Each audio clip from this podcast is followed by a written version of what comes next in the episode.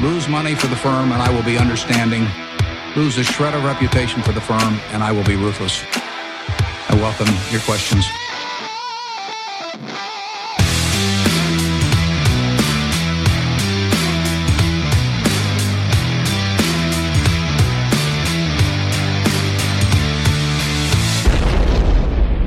Hej och hjärtligt välkomna till Kvalitetsaktiepodden. Det är jag som är Ola.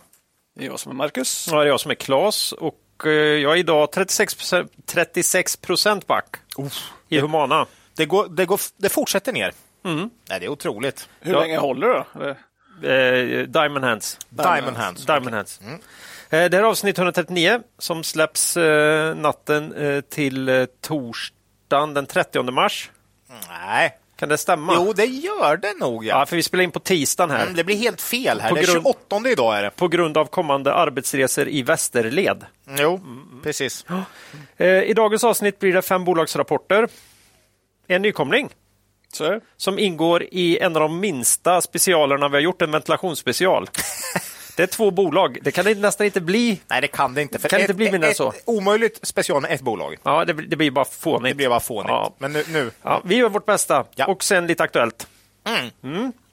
Ryssland då fortsätter ju sitt vidriga krig i Ukraina. Vi uppmanar alla som har möjlighet att skicka ett bidrag eller bli månadsgivare till någon seriös hjälporganisation med verksamhet som stöttar Ukrainas hårt prövade och tappra folk. Ukraina vi ser och vi glömmer aldrig. Jaha, Ola, Macke, vad har ni hittat på sen senast? Ja, jag fick ju in ett, eh, ett mejl här efter förra podden från Oj. en av våra norska Ja, vad trevligt. norska lyssnare då och eh, som poängterade att bolaget Europris inte heter Europris va? Det här är en chock. Eh, utan eh, i, på, i Norge säger man Europris. Ja, Euro. de är så europeiska vet du. Så Europris måste ju vi börja säga nu här. Det är helt uppenbart. Det kommer gå jättebra tror jag. Jag, jag klarade av Note, men No. det här kommer inte gå. Nej, jag är lite rädd att jag kommer torska här några gånger innan det här sätter sig. Ja. Nej. Nej, men det, det, jag har en, eh, en vän som är från Frankrike som, tycker det, som kan prata jättebra svenska men tycker att det låter som man härmas. Alltså man låter fånig utan pratar hellre med fransk brytning då. Ja. Det känns lite, lite samma att börja säga europris. Europris. Ja, sam- Europris. samtidigt är det de som säger, ja, vi säger ju Paris, inte Paris. Nej, precis. Så att, eh, Nej. mm, ja. Vi får se. Ja. Jag, jag ska försöka. Nej. Ja, vi säga, kan försöka. Från och med nu ska jag försöka säga Europris. Ja. Gärna med lite norskt. Europris. Då, då säger jag lycka till. Ja. Men det, det har hänt. Det har hänt. Mycket mer eh, har inte hänt. Nej. Macron?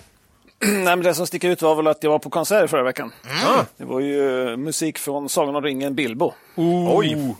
Stor orkester, stråkar, massa blåsinstrument som inte jag vet vad de heter. Liksom. Du vet sådana här stora också. Fagott. Eh, Ja, vad kan det vara mer? Och, och Bo. Obo. Eh, valthorn. Du kan säga nästan vad som helst. Jag vet ju inte svaret. Liksom. Ja. Och en bastuba. Bastuba på det. Men det var väldigt stämningsfullt. Fantastiska sånginsatser var det. Eh, full nostalgitripp när de liksom gick igenom de här låtarna. Lite gåshud så. Ja, faktiskt. Oh, ståpäls är alltid. Det var ju liksom Sagan om ringen-trilogin är ju topp tre av alla filmer genom tiderna tycker jag. Eh, så att när de då kör musiken så var det ju riktigt bra. Så att det kan varmt rekommenderas. Jag vet inte om den fortsätter spela i Sverige någonting. Ja. Eller så kanske den dyker upp igen Kan någon jag. annanstans. Mycket bra i alla fall. Ja, härligt. Klassiskt, underbart. Klas då? Ja, själv har jag ju förbluffats över en oss närstående poddare som uppenbarligen tycker att just det här segmentet är för navelskådande och långt. Mm. Enligt uppgift i den aktuella podden upptar det hela 16 procent av vår avsnittstid. Nej. Det här måste ju vara någon slags genomsnitt får vi anta då, från eh, någon som verkar ha gjort ingående research här. 16 procent är i och för sig en otroligt bra siffra i dagsläget. Vi kanske, om vi skulle prata rörelsemarginal till exempel, utanför eh, dagligvaruhandeln. Om det inte är Evo. Så Utanför dag. skulle det vara toppensiffra, eller hur? Ja. Men det är alldeles för högt Ja. om det kommer till Loreen-snack i börspoddar. Ja. Ja, det är svårt att lära gamla hundar att sitta. Så vill jag ju fortsätta med det här. Så då tänkte jag passa på och tipsa då både Niklas på Market Makers podd och andra Pang på rödbetan-lyssnare att vi sedan en tid har tidsmarkeringar. Ja. Ja, för bolagssnacket i avsnittsbeskrivningen. Så man kan snabbt ta, ta sig till de här lite mer kvalitativa delarna av podden. Och om jag verkligen får feeling här under klippningen så kanske jag lägger till en för det bejublade Aktuellt-avsnittet också. Så där ja. Oj, då kan man ju direkt gå för de som är lite mer så pang på. Vi får va? se. Mm, vi får se. Vi får se. Mm. Men jag känner ju att mina egna ord, det räcker inte riktigt till för att sammanfatta vad jag egentligen känner inför det här påhoppet. Så jag tar hjälp av den gamle romaren Julius Caesar och hans bevingade sista ord. Även du, min Brutus. Så med. Jag kan säga några andra som definitivt inte hade ansetts som ointressanta om de delar med sig av sitt privatliv. Vet ni vilka det är? Jag gissar att det är Peter och Håkan på Kavaljer, eller? Det kan du ge dig på. Det är alltså Peter Håkan på vår huvudsponsor Cavalier AB. De har ju många strängar på sin lyra, det vet ni va? Ja. Mm. Utöver sina spännande fonder Cavalier Quality Focus och Cavalier Investmentbolagsfond erbjuder ju Peter och Håkan också en trygg och framgångsrik diskretionär förvaltning utifrån samma filosofi som de lutar sig mot vid fondförvaltningen. Eh, deras diskretionära förvaltning riktar sig till kunder med lite större förmögenhet om minst 5 miljoner kronor. Eh, ja, eh, vanliga kunder här då är privatpersoner, familjer, företag, organisationer, stiftelser och många så kallade trädabolag. Mm. Eh, vill, ni, vill ni veta mer om denna kapitalförvaltning så kontakta Peter och Håkan direkt så kan de berätta mer. Eh, kontaktuppgifter till Peter och Håkan, mer om information om Cavaliers fonder, övrig kapitalförvaltning och deras filosofi hittar ni på kavaljer.se. Där hittar man också eh, deras mycket informativa månadsbrev. Investera i fonderna Cavalier Quality Focus och Cavalier Investmentbolagsfond kan man göra både på Nordnet, Avanza och Saver. Mm. Och när vi pratar om fonder är det viktigt att komma ihåg att historisk avkastning i fonder inte behöver vara en indikator på framtida avkastning och att ni kan förlora delar av ert satsade kapital då fonder både kan gå upp och ner i värde. Tack säger vi till vår huvudsponsor Cavalier AB. Vi vill också passa på att tacka vår äldsta samarbetspartner Börsdata. Värdeinvesterarnas bästa vän. Om man inte är medlem på Börsdata än så bör man bli det. Alla medlemsnivåer och priser hittar man på borsdata.se pristabell. Själva tjänsten hittar man på borstata.se terminal. Där har alla tillgång till en utmärkt basversion som ger ett smakprov på vad tjänsten har att erbjuda. Tack säger vi till Börsdata. Eh, innan vi går vidare i avsnittet vill vi påminna våra lyssnare om att aktieinvesteringar alltid innebär ett stort risktagande. Aktier kan både gå upp och ner i värde. Satsa därför aldrig kapital på aktier som du inte är beredd att förlora. Det vi säger på den ska aldrig betraktas som köp eller säljrekommendationer. Gör alltid en egen analys av bolagen innan eventuell handel. Allmänt om börsen, Marcus. Vad händer? Ja, jag hade en annan grej innan faktiskt. Jaha, på tal om att sorry. flänga då. Nej, men det var en återkoppling till förra avsnittet. Ah. Vi gjorde en liten tavla där. Det var en uppmärksamma, uppmärksam lyssnare som mejlade in och påtalade att vi inte, vi kunde kom- inte komma på några framstående företag från Vänersborg med en VBG. Ja. Ja, det var en tabbe. Och då kom han in och sa, men börsdata då? Just det. Och då tänkte vi att de är från Åby. I Norrköping. Det kunde man tro, Det kunde man tro. Men, är inte där de har sitt säte. Nej, det, utan i Vänersborg. Så att, eh, det var ju en, vi, vi blir lite blinda för det uppenbara där. Vilket kvalitetsbolag. Så har vi ett, ett till kvalitetsbolag från Vänersborg. Tack för påpekandet. Ja, säga. vi har uppmärksamma lyssnare. Eh, aktuellt då? Nej, men jag kollar utvecklingen från senaste podden och till vi sitter här idag och det är exakt noll. Det är sjukt, för jag tycker det är 2 hit och dit enskilda dagar ju. Ja, det är jättesvängigt. Så det är, eh, det är lite kul att det då är på noll. Facit blev noll ändå. Liksom. Ja. Så att, eh, Ja, det är märkligt. Ja, Men det är väldigt svängigt från dag till dag som vi sa. men börsen är helt eh, perfekt. Det, Ja, ja. det, det, det, det, det ska vara upp 2 dag- 2 en dag och ner 2 nästa. Det är Den är helt effektiv. helt effektivt. Ja, så måste det vara. Ja, Nej, lite lynnig skulle jag säga. lite lynnig. Tar till sig all information och agerar korrekt utifrån den. Jätte, jättefort. Eh, Men av och till har det varit väldigt stor rädsla för bankerna. Då. Ja. Eh, Vi tog upp Silicon Valley Bank i förra avsnittet, eh, men nästa stora sak blev ju Credit Suisse då, som ju togs över av UBS för en spottstyver. Alltså en ganska kul meme där man har döpt honom till Debit Swiss istället. Men- Den var riktigt kul faktiskt. Och, och sen svensk, eh, schweiziska flaggan hade man gjort om från ett plus till bara, det bara minus. Det var bara minuset. Det är så jävla humor alltså. Folk har ju roligt, alltså den här galghumorn är ju, den är ju fantastisk. Ja, det är roligt. Det är roligt. Ja, fy- Fyndiga. Ja, och sen var det ju Tyskland som Deutsche Bank va? Ja, men den, den eh, har inte kommit till än. Nej, okej. Eh, Den har inte kraschat än, men Nej, man nej tror det att har den inte, men eh, marknaden flyttade sina ögon dit. Ja, så är det. Men först så blir man ju rädd för de här Coco Bonds. Kommer, ni- kommer du ihåg vad det stod för? Koko-bonsen. Ja. Jag fick ju känslan av den här eh, cocktail med, med han, eh, den här eh, 90-talsfilm. Tom Cruise? Tom Cruise va? Jaha. Den, den känslan, Coco, Ja. de, de kör ju den här Kokomo va? Ja. När han flyger in där över den här, eh, Hawaii, den här ön. Ja. Men nej, det, Men det, det, inte, det är inte riktigt det. då. jag tror inte det Det har med det. det att göra. Nej, Nej. Contingent Convertible Bond står det för. Ah, Ka- okej. Kallas i media lite grann AT1-obligationer också. Mm. Väldigt kul namn. Eh, för den som är väldigt intresserad av det här då, så lyssna på podden Follow the Money, avsnitt 140. Mm. Har de en djup genomgång av det här. Då. ja, du tipsade om den. Jättebra. Ja, Eh, det, Fall, nu förstår jag. det är Det var skönt. Eh, lite kortfattat då, så det är ett ränteinstrument då, som om ett visst e- event inträffar kan vara att bankens finansiella ställning blir dålig om man går under en viss eh, nivå på eh, soliditet och så vidare. Så, så kan det här instrumentet konverteras till något annat då. Och när jag hade hört talas om de här så hade man sagt att det här blir aktier då. Så att det, hela idén med det här var att det var ett, en åtgärd från, från myndigheterna för att undvika en finanskris. Det vill säga att om de, någonting inträffar med banken så att den får sämre eh, finansiell ställning så kan man konvertera skulder till eg- egenkapital. Ja, ja. Eh, skulle man slippa gå in från statens sida då. Det gick väl sådär kan vi säga, hittills i alla fall. Eh, men i Credit Suisse då, så tog man beslut att banken var insolvent, eh, gjorde eh, myndigheterna, trigga villkoren för Kokos. Lite överraskande så förvandlas de inte till aktier då, Nej, som man hade hört. Mm, nej. Eh, utan istället skrev man ner värdet från 19 miljarder schweizerfranc till, noll. till noll. Oh. Det är hårda bud i Mellerud, som man brukar säga. Men Man kan ju tänka sig att det var någon som blev lite överraskade.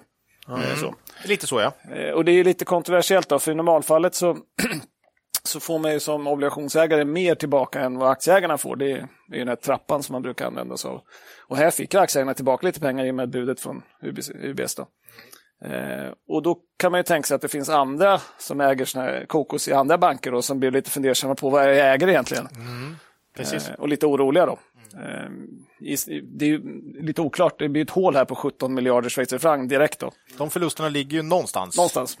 Eh, och sen finns det en massa andra instrument. Och gissningsvis är det väl ett gäng pensionsfonder som äger de här. Du vet, other people's money, Ja, tyvärr ja. så att säga. Eh, får vi se om Alecta sitter på något sånt. Jag tänkte säga, det är väl det mest förvånande att inte det har kommit ut något sånt. Så att, Ja.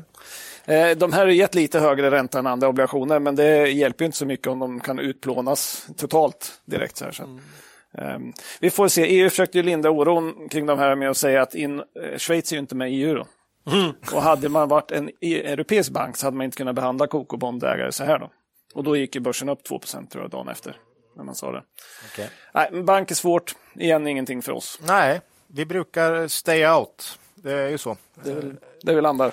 Ja, det är... Ja, vi, vi tycker att vi är ute på kanten när vi köper spackar. Liksom. Ja, precis. Ja, det här är... Vi, vi brukar inte investera i finansiella bolag. Men uppenbarligen påverkar börsen ganska mycket kan man Det säga. är ganska mycket, ja. Det är väl lite där fokus är för tillfället, så kan man säga. Eh, I avsnitt 135 så sa vi att vi hade 40% likvider ungefär. För vi sa att det var en stor diskrepans mellan vad bolagen säger och presterar och index, indexutvecklingen då, i början på året. Eh, I nedgången som varit sedan dess har vi skalat in en del befintliga innehav, köpt något nytt. Eh, Ungefär 25% likviditet i spackarna. Lite mycket fortfarande, men vi är fortfarande lite fundersamma på hur det ska gå. Så att säga. Ja, lite svårt att hitta case där vi tycker risk-reward är tillräckligt bra för, för närvarande. Ja. Eh, Vi närmar oss Q1 också. Kan vara ja, värt att se lite Q1 rapporter kanske. Får se vilka bolag som kommer med tillräckligt intressanta rapporter och så. Men just nu har vi fortsatt lite likviditet. Då. Ja, men det var ändå bra med en nedgång här, tycker vi. Och det där är lite intressant. Jag vet inte, vi har försökt förklara det många gånger. Folk eh, verkar, eller ibland verkar folk tro att vi väljer likviditet för att vi är tveksamma till vart börsen är på väg.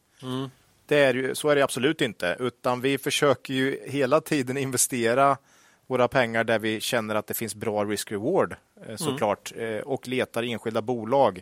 Men ibland har vi lite svårt att fylla portföljen med bolag som vi känner det finns tillräckligt bra risk-reward för närvarande. Ja, och nej, men- då kan vi hamna med likviditet. Nej, men det är av två anledningar. Ofta har det ju varit att vi tycker att vi hittar inga bolag som har tillräcklig margin of safety. Ja. Och nu är är det en osäkerhet istället. Vi är väldigt osäkra på vart är bolagen på väg. Precis. Så vi tittar på de enskilda bolagen och vi blir ja, osäkra. Lite osäkra. Mm. Men förhoppningsvis kan man fylla på upp till f- f- fullinvesterad under året här. Ja. Vi, vi sa ju det att vi saknar i september den här riktiga paniken som brukar komma vid börsbottnar. Ja. Eh, Den då VIX-index, det är det här index som mäter volatilitet. Då. eh, går upp i över 40. Eh, det brukar vara bra köplägen varje gång det sker. Jag kollade upp det där. Det har varit över 40 i oktober 2008, maj 2010, september 2011 och mars 2020. Ja. Om man kollar börsutvecklingen efter de tidpunkterna så har det varit väldigt starkt. ja. Det var väl, var det inte nästan i, nu i september? Var det inte 30 Ah, eller något? Ja, 30 var det, lite 30. drygt. Okej. Nu är det runt 20 så det är ganska Okej. lågt. Ja, ja. Eh, Men även i höstas, vi, vi kom aldrig nära, riktigt nära 40. Nej, nej. Det är väl den mest träffsäkra indikator jag känner till Ja, egentligen. ja. Oro, det vill säga köp, köp rädsla. Ja. Det är ju det man... Och ja. är, är VIX över 40 då är det riktig rädsla. Så det är någonting man kan hålla utkik efter tycker jag. Mm. Eh, Så vi får se om vi i nästa nedgångsfas här får se någon sån riktig panik. Och det där har väl Buffett sagt, det, hans citat på det där är väl Be greedy when others are fearful, va? Ja, Eh, och det är ju lite samma sak. ja. Att, eh, men, men då har man indikatorer man kan hålla koll på i alla fall. Mm. Eh, tänkte ta en positiv nyhet. Eh, 19 mars kom KABE ut med information, förlängt eh, distributionsavtal med Adria då, till 30 juni 2034. Och så la man till lite option på fyra år till. ja, det är gött det. Då vet man att saker och ting är som de alltid har varit. Då har man gängat sig ett tag till. Ja. Eh, De har ju samarbete sedan 2001. Eh, Men det här är väldigt viktigt för KABE, det är ju en stor affär för dem. ja. Sen försökte de ju köpa en del av Adria för några år sedan. Det var ju synd att inte det lyckades. ja. Det var ju någon annan ägare som utnyttjade någon sån här hembud och tog Ja. Mm. aktien istället. Så att säga. Men bra att man får till en förlängning då. Eh, Vi har ju pratat i podden också om räntekostnader. Det börjar bli signifikanta för många bolag. Det är inget problem för KABE då. 554 miljoner i kassan. Mm. I Q, eh, Q4 gjorde man 2 miljoner plus på räntenetto. ja, det är gött det. Börjar bli liksom eh, rejält plus bara på pengarna. Ja, nej, men på helåret kan det börja närma sig en krona i vinst per aktie på kassan. Så att, eh, det är inte fel. En liten peng. Lite En, rän- peng. en ränteplacering i KABE då. Ja. Så att, eh, ja, nej, men förhoppningsvis så kan man använda kassan ändå till någon förvärv. Och det Jo. borde ju vara bättre. ja. Det här Korsman-förvärvet har ju blivit jättebra. Superbra. Men bra med, med en stark balansräkning. Men vi tänkte inte ta upp hela KABEs rapport då, för den var ganska lik de som var tidigare under 2022. Då. Så jag plockar med lite i Aktuellt istället. Eh, Stabil leverans, marknaden vägrar handla upp aktien. Eh, ja, marknaden och vi sitter ju bara och väntar på att nedgången ska komma. Typ. Eh, Det är ju kapitaltunga produkter i en omvärld med höjda räntor, hög inflation. Eh, Det borde bli förr eller senare lite svårare. Ja, många pratar eh, faktiskt om dem och Nimbus tillsammans har, jag, har jag sett som kapitaltunga. Så att, ja, jag skulle inte riktigt jämföra dem, men ändå. Eh, Det finns ju likheter det, med det bör, Ja. det bör bli sämre för KABE om det blir en utdragen lågkonjunktur. Så är det. Och det finns, fanns en intressant kommentar i rapporten som de inte haft med tidigare. Man sa att lagernivåerna för hus, eh, är på låga nivåer fortfarande, men att lagernivåerna för husvagnar är något höga. Det har man inte sagt tidigare. Nej. Eh, så det är möjligt första tecknet på inbromsning. Då. Ja.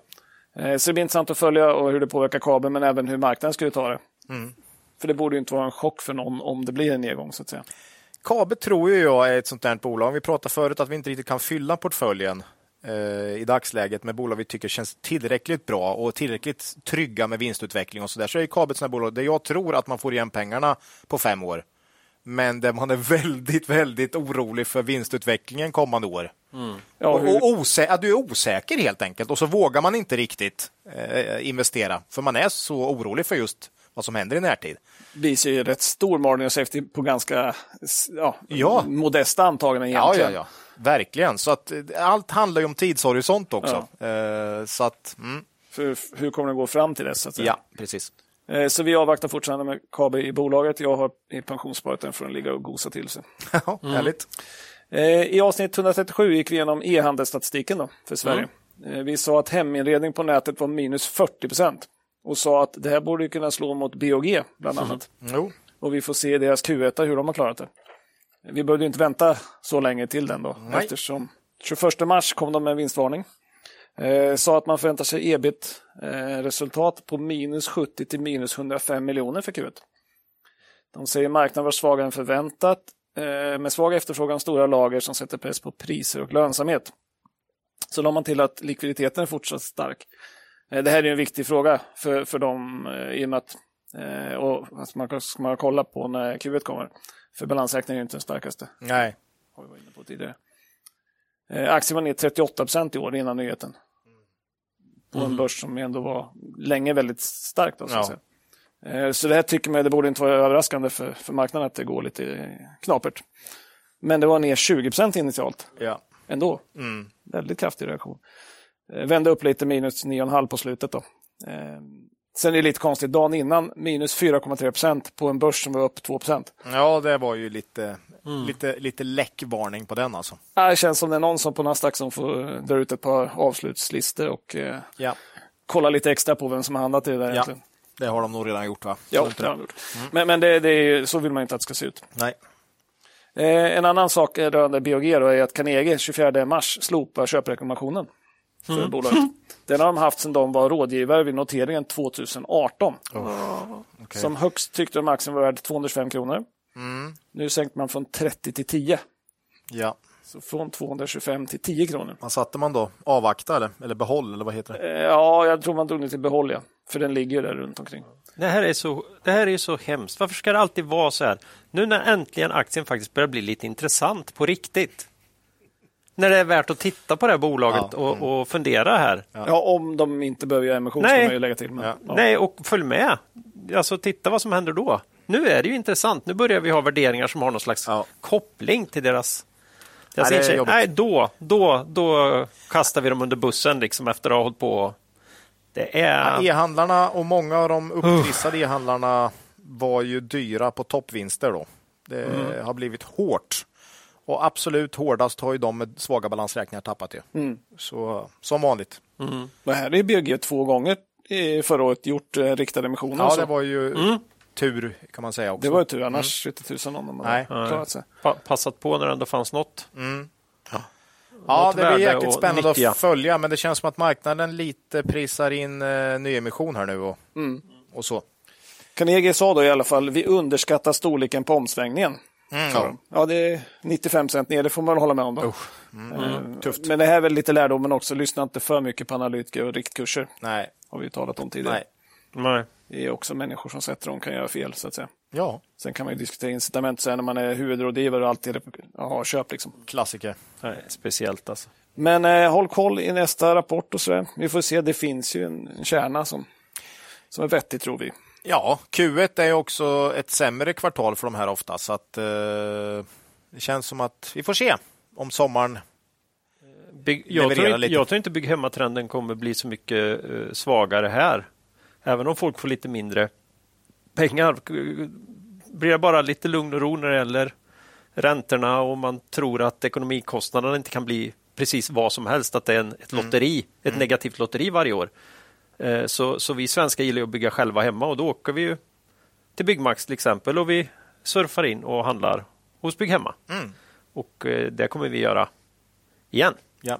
Jag skulle gissa att det finns en psykologisk effekt av det här med att nu går ju rä- räntorna bara uppåt hela tiden. det, det behöver stanna av någon gång. Ja. Kanske inte ner så mycket, men, men att det liksom inte ser ut som att det ska bli värre. Så att säga. Gissningen är väl att 2023 blir ju inte muntert här.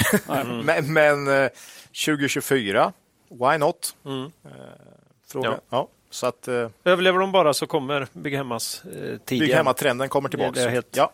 Det är lite fascinerande med banker, för, för det har ju sagts att eh, banker det är så bra när räntorna går upp. Ja, det verkar ju inte riktigt så. Eftersom de håller på att fallera överallt. Ja. Men, men jag hörde, det var någon smart som sa någon gång på något ställe att för banker är bra med höga men fallande räntor. De ska vara höga för att de kan ta en bra räntemarginal men det måste falla för då ökar man kreditefterfrågan och så kan de ge ut mer lån. Ah, Medan liksom snabbt stigande räntor, det har nog aldrig varit bra för banker. Okej. Eh, Lite så. Då vet vi. Höga men Höga men fallande, Ja, ja. köp bank. Så- okej. Nej, det blir nog inte banken då. Men okej. Nej, vi ska inte göra det. Nej. Men, eh, det är någon annan. Ja. Ja, är det, Ja, det är var det aktuellt. dags för andra bolag? Härligt. Bolagen då? Först ut idag.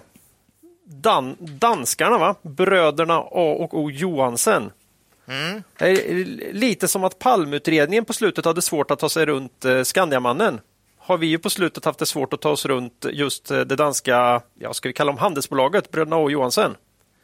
Kommer de stå pall här i den här karga byggkonjunkturen, Ola? Var med senast i avsnitt 131. Ja, det är en bra fråga, Claes. Mm. Men eh, vi kan säga så här. I Q4 såg vi inte mycket av någon försämring. Nej, Nej. Den var väldigt bra där omsättning och resultat landade i den övre delen av det intervall man hade angett i den senaste outlooken. I Q4 steg omsättningen med 17 procent, resultatet steg med cirka 13 procent för bröderna A och Johansen. Det är kul. Fint.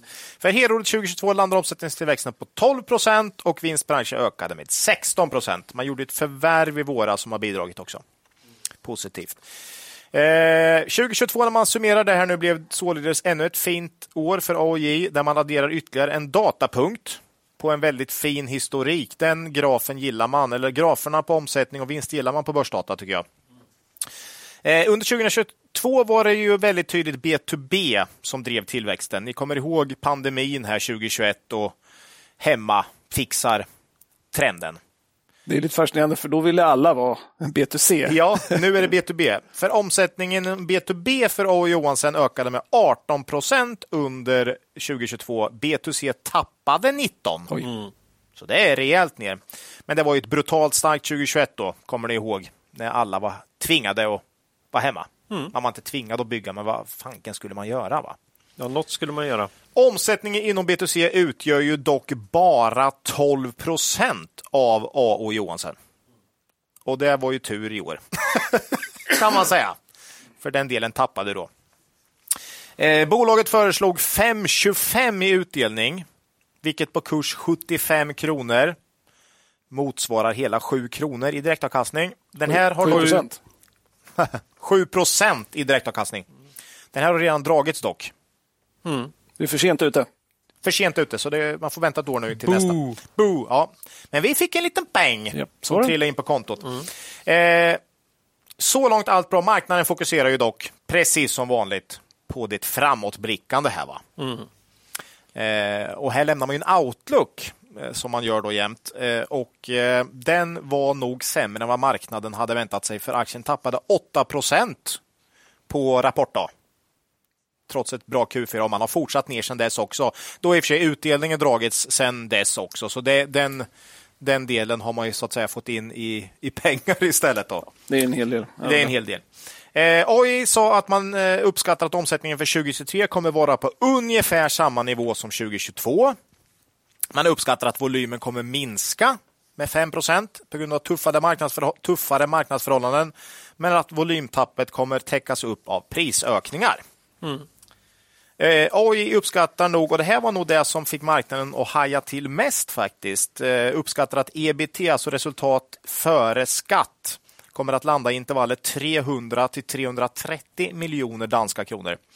Vilket kan jämföras med 377 miljoner mm. danska kronor för 2022. 300, 300 till 330 motsvarar ungefär vinsten för 2021, då, som det var liksom förra året, då, eller 2021 års mm. vinst ungefär. Eh, man säger att man tror på organisk tillväxt under de första sex månaderna 2023, men nedgång väntas under andra halvåret, så att man är lite fram i tiden här och gissar. Eh, AI har en historik av att vara lite försiktig i sina prognoser och ofta så att säga, höjt under året. och vi Ja, lite tycker, man det, tycker nog vi att det känns som att man kanske lägger sig något... Safe man går ut lite lågt. Mm. Men det här är lurigt, för det är en tuff konjunktur eh, för många bolag nu. Så... De lät ju lite försiktiga på konfkålet. Ja. Det var nog det som vi tror ändå fick ja. marknaden att bli lite försiktig också. Ja, precis.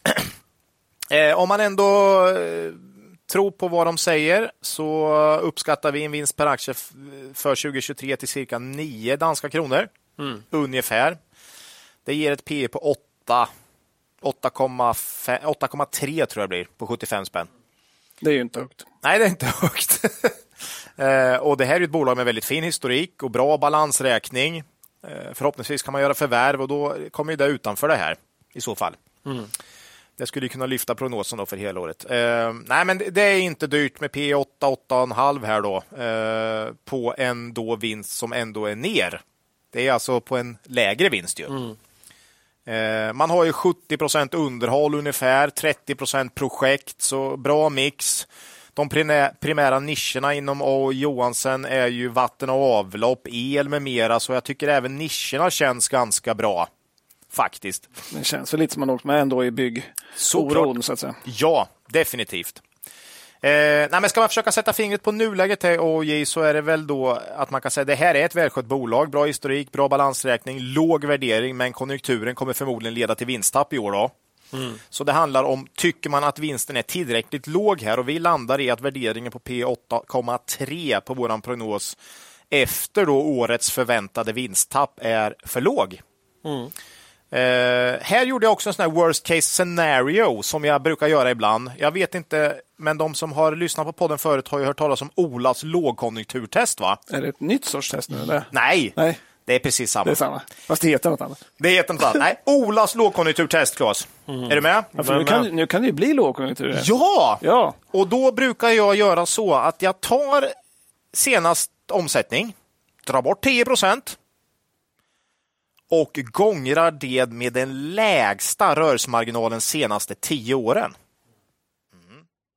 Och för AOJ då är det 4,5 procent ebit-marginal. 2013-14 var lite knakigt i, i bygg då. Så eh, tar man den. Då får jag vinst per aktie till ungefär 5,5 danska kronor och P 13. Det är inte heller det är inte dyrt om man säger att det är en bottenvinst för ett välskött bolag. Nej. Och dessutom tror jag inte det här kommer inträffa. eh, men som, som ett worst case. Det skulle kunna inträffa. 10 ner på omsättningen är väl tänkbart, men, men eh, så stort marginaltapp borde vara svårt ändå. Säg att de kompenserar en del med pris också, så 10 ner är ganska mycket. Eh, De är långt över i marginal nu och på något sätt tycker jag att A.O. Johansson har gjort en marginalresa som inte bara har med bra tider att göra. Eh, Så vi ska säkert marginalen ner. A.O. Johansson flaggar för att marginalen kommer minska under 2023. Sätter man den lägsta rörelsemarginalen senaste tio åren ett enskilt år, då tycker jag man är väldigt försiktig. Och på den vinsten då så tycker jag värderingen känns rimlig. Alltså A.O. Johansson klarar Olas lågkonjunkturtest. Ja, applåd. Det var ju tur. Vad skönt. Eh, nej, vi tror nuvarande kurs AOJ är ett bra långsiktigt köptillfälle. Vad som händer med kursen kommande månader eller år till och med nästan är ju omöjligt att säga. Ja, som vanligt. Men dagens kurs satt i relation till vad vi tycker är ett långsiktigt rätt värdering på A.O. Johansson tycker vi är lockande helt enkelt. Eh, ja, inte då föga förvånat att vi fortfarande äger våra aktier i A.O. Johansson och vi tackar förresten för den här kanonfina utdelningen som kom in på kontot precis här. Mm. Eh, det var trevligt med en liten peng. Ja. Och som tur var var den ju också växlad till svenska kronor. När vi fick Ja, den, så att- ja precis. Mm. Nej, men det är om A.O. Johansen. Fortsatt fin leverans. Eh, 2023 blir nog lite tuffare, men värderingen är för låg, tycker vi. Så är det. ja, då var vi igång Ja. med bolagen. Ja, Eh, dags för nykomlingen då i, i dagen. Här. Ventilationsbolaget Lindab. ja efterfrågat av många Ja. lyssnare historiskt faktiskt. Eh, först ut den här minimala ventilationsspecialen. eh, jag vet inte, kan ju kanske komma att bli återkommande om inte den här ESG-hysterin skickar iväg dem upp i stratosfären igen. Var de där verkligen, Linda? Ja, de var iväg en bit. Ja, och det, de, de var, hade lite de ESG. fick en ESG. Mm. Men, men det var lite andra faktorer också som vi ska gå in på. Eh, Men det här har varit eh, återkommande efterfrågat av lyssnarna. Faktiskt. Ja, definitivt. Eh, Ett antal gånger. Eh, Men eh, de är nya. Det blir lite mer omfattande genomgång då. Eh, De noterades 1 december 2006 för 110 kronor. Eh, Första halvåret gick det jättebra. Eh, Men sen kom... Halvår.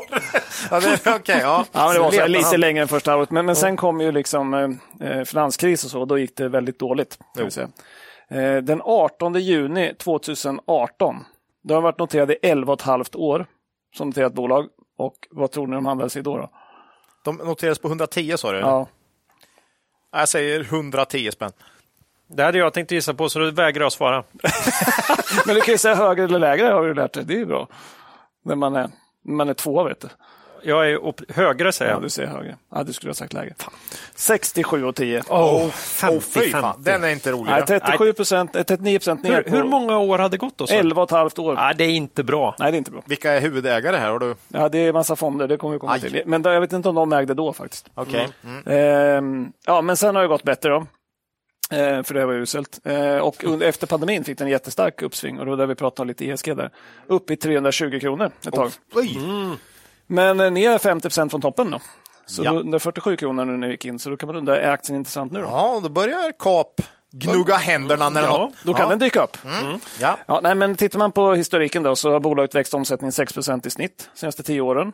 Eh, OK, inte fantastiskt. Nej. Men vinsten 23% i snitt Snyggt. på tio år. Bra. Eh, och det är riktigt starkt. Eh, och man har ju lyckats höja marginalerna ganska markant faktiskt.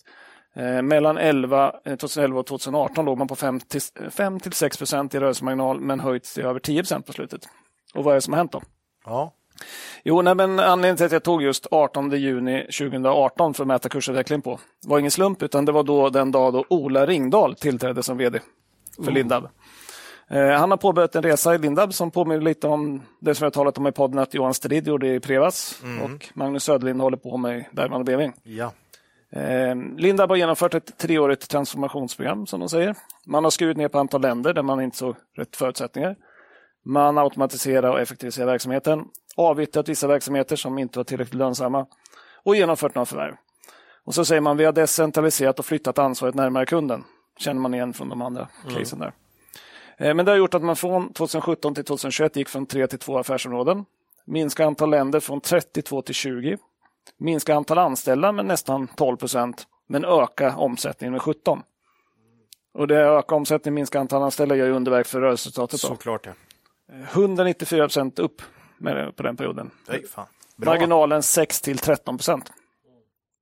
För mer information om vad man gjorde då så finns det en, en presentation från kapitalmarknadsdagen som man höll 20 juni 2022. Då. Det finns på nätet, kan rekommenderas att titta på. Då. Den stora strukturella draget man gjorde var att göra sig av med Building System, ett eh, affärsområde. Då. Och det hade man försökt avyttra ganska länge. Redan i september 2017 sa man att man ska göra en strategisk översyn. Det brukar betyda till salu. Ja. Men det var ingen som ville köpa. Men säg det då! Men säg det då. Ja. Nej, men i Q3 2018 då, något år senare där, eh, så sa man att vi fick inte in tillräckligt attraktiva bud. Så vi behåller det här så länge. Det brukar ju inte vara någon succé då. Nej. Eh, sen tog det till september 2021 då. Nästan fyra år efter man sa det från början då. Innan man hade lyckats få till en försäljning då. Till franska Group Brian. Eh, då ville man inte säga vad man fick för det. Eh, man fick en fråga på en konfkålet då efter det här och sa att det i alla fall mer än, äh, de fick frågan, är det mer än 100 miljoner då? Ja, det är det, sa han. Och sen ville han inte svara på mer frågor. Så att, eh, han ville inte säga vad det var. Ah, Okej. Men det var förmodligen inte jätte, jättehögt ändå. 101. 101, det kan vara 101. Ja, ja. Eh, För man fick ta omstruktureringskostnader och nedskrivningar på 456 miljoner. Eh, Så att, ja, det kostar på i affär, men det var nog värt ändå. Då. Eh, Den här delen omsatte 2021 971 miljoner. Så det var en ganska stor del, 10 procent av omsättningen. Men klart lägre lönsamhet, under 2021 3,2 procent. då. Så det höjde ju koncernens marginal när man gjorde sig av med det. Så att säga. Tittar man också historiskt så hade Building System väldigt volatil omsättningsutveckling och resultatutveckling. Det for fram och tillbaka. Det är, det är bygg, liksom, projekt. Ja. Läser man vd-ordet tidigare rapporter också så liksom, det stod väldigt, väldigt mycket om det här hela tiden. Fast det var 10 procent. Ja, ja. Det var ett problem. Det var ett problem. Ja. Och då kan man tänka sig att ledningen fick ju liksom spendera rätt mycket tid på det här fast att den var sämre. Då. Ja. Eh, Så nu har de mer tid att lägga på de bättre delarna. Ja, men det Eh, där, hösten 2021 fick de så det är ju en, det var ju en bra tid. Då var det ju allmänt håsigt. Så att, eh, mm. Ja, och sen hände ju någonting strax efteråt. Här då, för tittar man på när man, man lämnade då, när man sålde det här, Kazakstan, Vitryssland, Ja. drog ner ordentligt i Ryssland. ja, okej. Så den var tajmad den. Fy fan. 2019 hade man 7% av anläggningstillgångarna och 6% av personalen i Ryssland. När? 20? Eh, ja, 2019. Ja, okej, 2019. Mm. Eh, och det här var huvudsakligen i Building Systems. Då. Oj, vilken jävla tur. Ja, det var i grevens tid att man kom ur det. ja. Ja. Man fick tillstånd från ryska myndigheter i årsskiftet 21-22. Två, två månader innan invasionen. Då. Ehm, så att den här affären har ju besparat ledningen mycket problem. Då. ja, det är omvänt Hartman där som Ja, dammade in pengar i Ryssland ett år innan. ja, här hade man istället ur. Då. Så att när kriget bröt ut så hade man 0,6 procent av försäljningen i eh, Ryssland, Ukraina och Vitryssland. Då. Eh, så att pros- ja, processen att lämna blir ju kortare. Då, så man, det tog, kostar 22 miljoner. Men det kunde bli mycket värre. Så att säga. Men eh, är man bra så ska man ha lite tur, eller vad är det? Till? Det är konstigt, desto mer jag tränar, desto mer tur har jag, sa Stenmark. va? Så Stenmark, Ja. det är en fantastisk kommentar. Men jag, ju, ju mer ryska bolag jag säljer, desto mer tur. Ja, nej, men här med ja. jättetur. Jag tror inte köparna var så nöjda. Nej, men, nej. men så är det. Kvar finns då två affärsområden. Ventilation och profilsystem.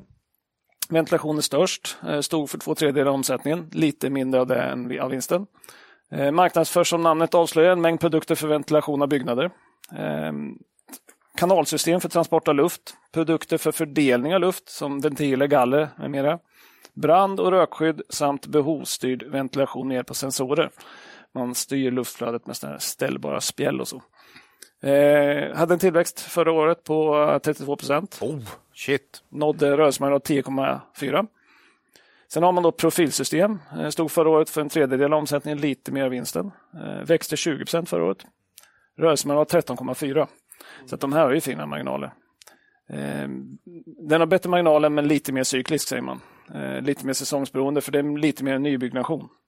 Det är väl en av de delar man är lite orolig för det här då, nu. Man har olika takkonstruktioner, bland annat taklösningar för solceller. Det ligger i tiden. Ehm, man har tagit fram vägg och fasadlösningar samt vattenavrinning, exempelvis hängrännor. Sen har man tagit fram Lindabhallen. Har du hört talas om den? Nej.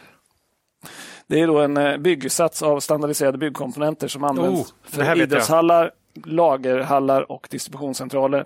Men, men under pandemin så tryckte man på att man även byggde paddelhallar. Just det. Det är liksom en modul man Ja. kan köpa och sen bara som man kan sätta ihop. Typ. Släng upp din paddelhall. Shit alltså. Vi har allt som behövs. Snyggt. Liksom. Lindabhallen. Du. Lindabhallen. Jag fick upp eh, någon IKEA-reklam som jag tror eh, är sån här eh, ja, re reklam som liksom ändå ska vara modern.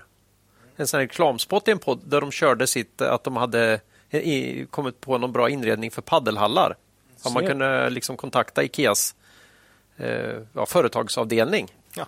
Det kändes bara Men, jättekonstigt. men grabbar, har vi ingen ny sport? Nej, men fan ta den. där. Den, Ta, den pa, ta, ta paddeln. paddelgrejen igen, den körde vi ju förra året. Den funkar kanon då. Ja, herregud. Ja, nej, för här kan man väl tänka sig Jäklar vilken hysteri alltså. Ja. De har inte nämnt någonting om det i de senare rapporterna, så vi kan väl gissa att det gick bättre under pandemin. Så att säga. Ja.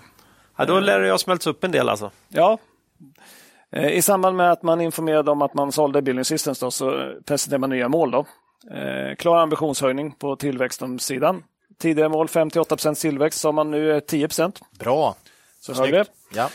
Eh, sen, sen sa man också att man har prioriterat lönsamhet över tillväxt och ville nu gå lite mer mot tillväxt och därför höjde man det målet. Då. Eh, för rörande lönsamhet så sa man att det tia, tidigare målet sa 10% i snitt över en konjunkturcykel och nu sa man över 10 Okej. Ja, så det nya var väl då att man, man sa att man även i dåliga tider ska nå 10 eh, Sen kan man tänka, vissa på marknaden kanske tyckte det var lite konstigt då, för två- 2021 så låg man på 12,6 i rörelsemarginal. Så Okej. frågan är här en, en, en, en sänkning av ambitionen då. Ja, nej, men man får väl säga att eh, i sämre tider bör det ju bli lite lägre marginal. Då, så att, Jo, det var det han ville säga Ja. det, att nu ska ni se det som att det ska inte bli under 10 även i dåliga tider. Nej. Nej, man gillar ju bolag som har de här målen just. 10 över 10 tillväxt, över 10% marginal. Det är ganska många som ligger där runt av de här fina bolagen faktiskt. Så att, Du, dubbeltian. dubbel 10, ja, det, det- den, den gillar jag faktiskt. Ja, lyckas man med det så är det ju Ja, det är bra. grymt. Om nu inte P är 40 då. Ja, det är den andra frågan. Eh, nej, men vi, ty vi tycker ändå inte det är liksom jättedefensivt. Man låg jättelänge på 5-6 procent. Ja, precis. Eh, och 2022 sen så landar man på 10,7. Så gick ju ner från 2021. Vi tror att det här målet kommer testas ganska mycket i år. Då. Vi kommer Ja. återkomma till det. Det är bra. Eh, tillväxtmålet då? Kombination organisk tillväxt och förvärv. Och bolaget har skruvat upp förvärvstakten. Eh, 2022 gjorde man sju förvärv. Lägga till de sex man gjorde under 2021 då. Och har gjort två hits under 2023. Eh, det har gjort att man har ökat omsättningen med över en miljard trots att man sålde Building Systems. Då. Så man köpt för, för en miljard mer. då. Sen eh, bolaget anger inte marginalerna på förvärven. Eh, det är lite synd tycker jag. Men man har angett att förvärven som helhet gick in med lägre lönsamhet än vad Lindab har. Då. Måste man inte det? Om, det, det är väl någon gräns där, va? 10 procent? Ja, man gör, ett- precis, man gör ett stort förvärv. Stort förvärv måste du ange vinst, eller vad man... Du måste ha mycket mer information om Ja, det, det. Mm. än om du gör ett mindre. Det är därför om väldigt stora bolag gör förvärv så kan de säga att det inte är väsentligt. Nej, du behöver inte ha med lika mycket information. Nej, nej. Och så är det med de här också, för var för sig blir de inte tillräckligt stora. nej. Men det är lite synd. Ja, det är synd. De, de säger ofta så här högre eller lägre än Lindab. I, ja, just det. Men eh, i snitt så blev det lite lägre. Då. Ja. Eh, men vad har man pengar kvar då att köpa för? Kan man fråga sig. Nej, det undrar vi. Ja, det undrar man. Eh, sen skriver man också inte vad man betalar. Det är också lite synd. Det kan man också förbättra. Man kan gott berätta hur mycket man betalar. Tycker jag. Men tittar man på kassaflödesanalysen i Q4 då, så framgår det att man köpt bolag för en miljard under eh, 2022. Då. Eh, man betalar ju med cash, eh, så det sker via ökad upplåning. Då. Eh, Men det har gjort att nettoskuldsättning har ökat lite grann. Uppe på 1,6 då. Ja, Nettskuld i ebitda. okej fortfarande. Det är okej, men, Ja. men det är inte samma möjlighet att köpa som gick in i 2022. Då. 1,2 om man bortser från leasing. Eh, Ja, man kommer förmodligen köpa 2023 med lite lägre takt. Då. Sen har ju pengar börjat kosta lite grann. Har vi sett. det med, ja. Så, så att, finansiella kostnader som alla bolag, värt att hålla koll på. Intressant grej med Lindab är ju att man är inom en, en, en nisch eh, som, är, som är bra, tror vi. Fastigheter står för, för, står för 40 procent av energiförbrukningen inom EU. Energibesparing har ju blivit hög prioritet för de flesta. Höga energipriser. Lindab säger då att en nybyggd byggnad med tät isolering och effektiv ventilation sparar eh, 20-40 procent i energi. Eh, Och det är inte bara inom nybyggnation man kan dra nytta av det här. Man har gjort en fallstudie i Tyskland på en eh, fastighet där man installerade som man säger ett behovsstyrt modernt ventilationssystem och sänkte ventilationskostnaden med 73 procent. Oj. Det är rätt mycket. Det är jämfört mot något gammalt. Mot, det som mot det gamla som man hade innan Ja. då. Det var väl friblås förmodligen, men ändå. Förmodligen var det ganska dåligt eftersom Ja, jag och- valde att ta just det exemplet. Ja, ja. Men, men, men det gav en energibesparing på 68 procent och återbetalelse på 4,5 år. Ja, det, fi- det finns nog mycket att göra inom ventilation tror jag. Faktiskt om jag ska vara, få gissa lite. Alltså, Vi läste ju mycket energi, du och jag Claes, när vi gick på universitetet. Var, var det inte så att ventilation kom vi alltid fram du, till? du var... vet att jag är certifierad Jo, energirådgivare? Jo, va? visst var, men då, då söker jag tröst hos dig här Claes. Mm. Visst var det så att ventilation alltid var en, en, en tjuv? Va? Ja, det var väldigt sannolikt att du kunde spara in en hel del energiförbrukning om du började ge dig på Ja, ventilationen. just det. Det var min... Det var det. Då håller du det med det, Linda lite Det var det jag sökte. Jag är, rädd, jag är rädd att det fortfarande kan vara så Ja. Ja. på, på väldigt många ställen. Är man en större fastighetsägare och har tillgång eller tillgång har, har många fastigheter att liksom, eh, titta på så kan man hitta ganska många lågt hängande frukter ganska Mm. snabbt. Ofta. Claes, du är alltså en certifierad energirådgivare. Ja. Ja, Du, du kan komma hem till mig. ska vi styra upp? Vet du? Ska vi styra upp ventilationen? Jag har jobbat så väldigt mycket med det också de senaste 20 åren så jag känner att min, min kunskap inom det här området är tipptopp. Jag tror inte den här certifikat... Var det inte en tidsgräns på det här, Claes? Kan finnas, Kan men jag har fin- valt att inte titta på det på ett tag. Så jag, Jag har ju truckkörkort också. Du ser. Du ser. Du ser. Bara en sån grej. Också tidsgräns på det, tror jag. Ja, Men om du då kommer hem till Ola och fixar det här så är det bra att veta att utöver kostnadsbesparingar så upplevde de anställda en klar förbättring av klimatet. I, Oj! Sådana Bara- positiva effekter, det är ju värt blir glada. väl, väl så mycket. eh, värt att notera också, man har 50 procent av försäljningen inom renovering. Då. Eh, så det är inte bara nybyggnation. Eh, relevant är också att EU har presenterat The Green Deal. Har ni hört talas om? Jag har hört namnet, men kan inte direkt eh, säga vad det jag känner innebär. att jag borde veta mer om det. Jag är också bara liksom Ja. på vanliga nyheterna. Det är då ett mål om att renovera och energi, energieffektivisera 35 miljoner byggnader i EU fram till 2030. Det är inte så där vansinnigt långt bort. Nej, är inte det Inwido också tryckt på? Eller? Exakt. Det är väl samma grej, va? Precis. Ja. Eh, och Linda, de har ju all omsättning inom EU. Då. Eh, och de säger själva att de är den enda pan-europeiska spelaren inom sitt område. Då. Så att de borde ha rätt bra förutsättningar att växa här då, även om nybyggnationsmarknaden är ganska trög då ett tag. Ja. Eh, Och sett över en längre tid så säger de att det är ungefär 50-50 mellan nybyggnation och eh, renovering, men att det varierar lite mellan åren. Då. Mm. Så här har de en, en möjlig bra, bra sak för dem. Tittar vi på ägarlistan då, som du är inne på, domineras helt av fonder. 15 av 20 största ägarna är fonder, Okej. svenska fonder. Didner Gerger är störst med strax under 10 procent. Eh, VD Ola Ringdahl har 100 000 aktier värda ungefär 15 miljoner. 300 000 köpoptioner. Satt i relation till att han enligt årsredovisningen hade en ersättning på ungefär 15,5 miljoner. En årslön. En årslön. Det där är ju en rimlig, relevant jämförelse att man sätter det i, i någon slags kontext. Ja, Eller hur? För, för vissa kan eh, en miljon vara väldigt mycket, men man, om man sätter det till årslön tycker jag ändå... ja men det är en rimlig. Ja, Och, och det är ju något man ska kolla på, det har vi sagt förut, men Ja. när det kommer sig insiders, insynsköp, eh, New Wave 500 aktier eller har köpt. Liksom. ja, ja. Det är inte värt lika mycket. Nej, Så. nej. Eh, tittar man på insynslistan då, eh, samtliga inrättade transaktioner sedan starten på 2022 har varit köp. Så det är ingen som har sålt någonting. Eh, dock är det bara ett enda köp under 2023, så man kan ju tycka att de kanske skulle Ja, kursen är ner 50 procent. Men... Ja, Ja. bra läge. Så. Eh, värderingen då. Eh, som vi sa i inledningen har det fallit kraftigt från toppen ihop med alla andra byggrelaterade aktier. Eh, lönsamheten toppar ju då i Q3 21 när man hade 16,2 procent i rörelsemarginal. Det var väldigt högt. Det var högst man haft något kvartal tidigare och strax efter det så toppade aktien på börsen. Då. Ja. Eh, marknaden verkar ha extrapolerat ut utvecklingen lite väl långt. Vi har ju pratat om det. Vi har haft uppe både Harvey och Thule. Det var ju samma sak där under pandemin. Då. ja, visst, visst. Sen kan man säga att marknaden var ju rätt ute med, med kursnedgången eftersom man haft ett ganska stort tapp i lönsamhet här under det senaste halvåret. I Q- Q4 2021 var väl peak för väldigt många Ja, bolag. runt omkring där Q3 Q4. Eh, Och likaså här. Ja. I Q3 föll marginalen från 16,2 då till 11,1, nästan 5 lägre. I Q4 från 12,1 till 7,6. Så, så det är nästan 5% lönsamhetstapp andra halvåret i år. Då. Eh, intressant, det mesta av börstappet skedde innan där, då, så börsen låg lite före. Eh, man säger tre huvudskäl till lägre lönsamhet. Största effekten kom av att bolaget förra året ökade priserna utåt eh, när stålpriset gick upp. Men man hade ju en lönsamhetsboost fick man då av att lagret hade inköp, Ja. lägre inköpspris. Då. Klassiskt. Det är många som har. Ja, vi pratade om det Byggmax, då var ju timmerpriserna. Ja. Här var det stålpriserna. Då. Sen har stålpriserna fallit tillbaka eh, på slutet och nu får man omvänd effekt då, i och med att man har högre priser på det man har i lager och inte höjt priserna ut. Då. Nej, Kanske till och med sänkt lite. Mm. Eh, bolaget tror att det här kommer fortsätta på kvartal till, men det ska stabilisera sig runt Q2 2023. Då. Så att eh, Q1 får man ha lite koll på där. Sen sa man att man fullt ut inte kompenserar sig för höga kostnader för transporter, andra råmaterial än stål. Det har många bolag pratat om. Eh, på konfkåret sa man också att det fanns en prisuppgång på tjänster och löner. Det är ju då en lite mer bestående effekt kanske än lagereffekten. Ja. Eh, Och slutligen sa man att de här förvärvade bolagen hade 1 lägre marginal ungefär.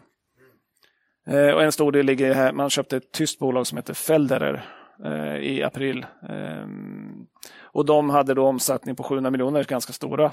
Eh, Och enligt uppgift på konfkålet så hade man 5% rörelsemarginal. Det är ju långt under eh, koncernen. Det stod inte i, i pressmeddelandet. Tycker jag man kan säga om man ändå tänker säga det på konfkålet. Definitivt. Eh, över tid sa man att de här marginalerna ska öka när man realiserar synergier och på, på sikt ska man försöka komma upp till gruppens nivå. Då, men det kan ta lite tid. Ja, sammanfattning då. Det finns en hel del utmaningar i närtid. Eh, utsikterna eh, på längre sikt är väldigt intressanta. Ja. Eh, påminner om hela det andra case vi har tagit upp då, på slutet. Eh, frågan är hur dåligt blir det? När börjar marknaden fokusera på långa bilden? Och vad är inprisat egentligen? Det är, det är mycket som A och Johansson här också faktiskt. Ja. Eh, Det ser bra ut på, om man lyfter blicken väldigt långt och fint bolag, bra historik, men tufft i närtid kanske. Och då kommer frågan, marknaden är inte blind. Nej, Så, så vad har man redan lagt in? Liksom? ja, precis. Det, det, det kommer bli fruktansvärt intressant med Q1 som Ja. om de som kommer in svagare och kursen ändå går upp. Ja. För, för då har man ju tagit ut tillräckligt mycket. Liksom. ja, Det där blir väldigt kul tycker jag att kolla på. På rullande 12 då har man en vinst per aktie 12,70. Aktiekurs 147 kronor. Eh, PE bakåt 11,6. Eh, Det är lågt. Linda brukar värderas högt av marknaden. Snitt PE på 10 år är 19, 5 år 20. Rensar man bort för 2021 då, när man låg väldigt högt, för man blir väldigt glad på marknaden där, då har man eh, 17. ja. Ja, lite högt om man kollar på historiska prestationer. Eh, Men efter att Ola Ringdahl har tillträtt så har det varit mycket bättre eh, leverans. Då. Eh, Ja. Men som vanligt intressant att kolla framåt och bakåt. Det är rimligt att tro att det blir en en nedgång i vinsten då. Eh, Frågan är hur mycket då. Eh, De här faktorerna som gjordes gällande under andra halvåret kommer att vara kvar ett tag. Då. Eh, En liten sak som jag funderar på, den här bristsituationen som varit på marknaden. Lindab har under krisen haft mycket bättre möjlighet att leverera än konkurrenterna. För man har varit så pass stor som man har prioritet på leverans av stål. Då. Eh, så då har man kunnat leverera. Eh, och hur kommer det här påverkas då när det blir bättre leveransmöjligheter för alla? Det, det är lite likt den här diskussionen om komponentbristen som har haft och sådär. Ja, hur mycket, vad, vad innebär normalisering egentligen? ja. Svårt. Jättesvårt. Incap var ju lite inne på det där också. Eh, Men vi gissar vinst per aktie 2023 på 10,70. P tal 13,7. Det är inte så farligt. Nej. Då har vi lagt oss på marginal på 9,1. Det är en bra bit under 10 som i vd ganska nyligen sa var ett golv. Ja, ja så är det. Vi brukar vara ganska försiktiga ändå får man säga också. Ja. Sen sa vd på konfkåret efter Q4 att han var fast besluten om att nå målet för 10% för 2023. Det är lite taskiga då som inte tror på det. Ja, Eh, Men då kan vi kolla på eh, analytikerna på Factset. Då. Eh, De tror på 10,20 så 8,8 procent. Oj, de tror ännu lägre. Ja, Oj. de tror inte heller det på är honom. ingen som tror att de ska klara sitt mål här. För... Nej, vd står där och säger det och ingen tror på honom. Nej, tufft. Det är taskigt. Eh, Men sen tror analytikerna att 2024, då har man 10 marginal igen. Okej. 11,9 i vinst per aktie och P på 12,4. Så någon gång under 2023 ska man köpa enligt det här då? Ja. Eh, caset liknar ju väldigt mycket Inwido. Ja. Du var inne på det. Ja. Eh, båda bolagen stark vd, starka inom nischen ener- energibesparing. Eh, båda kommer gynnas på sikt, men båda har koppling till bygg och därför handlas ner. Så att säga. Eh, och frågan är hur illa blir det innan det blir bättre. Klass! Det är så många bolag som är där nu. Ja. Eh, och Johansson som jag pratade om nyss här. Och det är just det här. Vad, vad är inprisat på kort sikt och ska det ner mer? Vad händer? Hur djup blir lågkonjunkturen? Hur drabbas bolaget? Och, ja, Och då kan jag säga att den som vet det kan höra av sig till oss och berätta det. Eh, skicka ett mejl till eh, kvalitetsaktier. Kontakta kvalitetsrektspodden Ja, och berätta ja. hur det kommer gå. Ja. Nej, men vi, vi ser ju viss eh, vi- margin of safety här. Ja. Mm. Eh, för aktien är lågt värderad. Eh, men vi har ändå avvaktat lite grann. Ja. Eh, för att se vad det tar vägen så att säga. Vi vill eh, känna oss lite tryggare i vart vinsttappet är på väg, så att säga. Men vi ska börja följa det, för vi är ett intressant bolag. Mycket intressant, Lindab. Kul! Och sen eh, slutligen då, på Ja. kapitalmarknadsdagen så fick vd fråga var tror du Lindab är om fem år om du får spekulera lite fritt? Oj, det, det är en bra fråga. Ja, Mm. det, Vad sa han den då? borde alla ställa. Då sa han så här, då är vi nära 20 miljarder i omsättning. Men rörelsemarginal på 12 till 15 procent. Beroende på marknadsklimat eh, i och för sig. Men det är 23 till 30 kronor i vinst per aktie. Om det slår in så kommer kursen inte stå kvar på Nej, 147. fan. kan jag säga. Lindab, intressant alltså. Ja, så det ska vi börja följa. Grymt. Ja, the only way is up enligt vd i alla fall. Då. Ja, vd är väldigt positiv. Han har gjort det jättebra. Ja, ja. Eh, Sådär. Men det Men han ju- har ju lite marknaden emot sig just nu. Just det. Precis så. Så är det. Det var Ja. Lindab. Det var var Lindab. Lindab. Kul. Ja, Nytt bolag. Det blir lite längre de genomgångarna. men idag då, i bokstavsordning har det blivit dags för Nordnet. Mm, för med oss idag har vi naturligtvis vår sponsor Nordnet, Årets Bank 2022. Och eh, den här gången tänkte vi titta lite närmare på möjligheten att genom Nordnet handla digitalt direkt på Londonbörsen. Vi kopplade tidigare idag upp oss mot Nordnets, eh, eller med, mot, säger man det? Med? Med. Med. med Nordnets investeringscoach Ara Mustafa för att prata lite bolag på Londonbörsen. Hej Ara och välkommen till podden!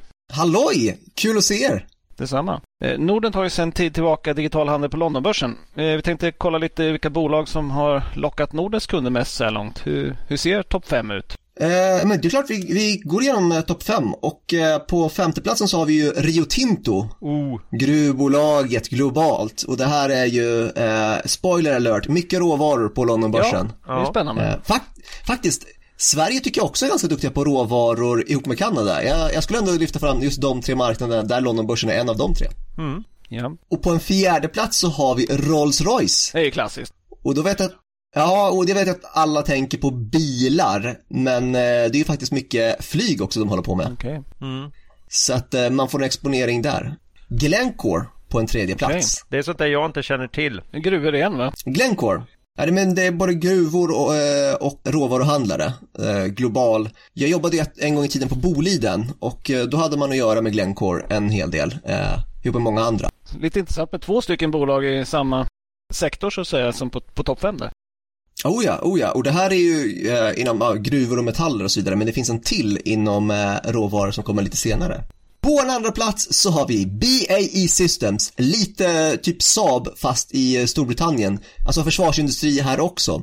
Och eh, BAE Systems är ju, eh, om jag minns rätt så har de ju även lite verksamhet i Sverige, men eh, Ja, de, de finns nog här i Linköping någonstans, men de är lite hemliga. Det är ofta så i den industrin. Ja, ja men så är det. Men, men det var ju väldigt eh, opportunt av eh, Nordetägarna att eh, hoppa in på det här caset så att säga. Nej, den har gått bra. Det, det ska sägas, eh, det här senaste året så har ju den, eh, ja den har presterat så att eh, det är inget, det är inget synd om dem som har Snyggt, köpt snyggt aktien. fångat kan man säga. japp. Ja, absolut, verkligen. Eh, och eh, på en första plats så har vi, det man kan i en första anblick tror jag Brommapojkarna, men det är det inte, det är BP. British Petroleum, Ja. giganter inom eh, oljeindustrin i eh, hela världen faktiskt.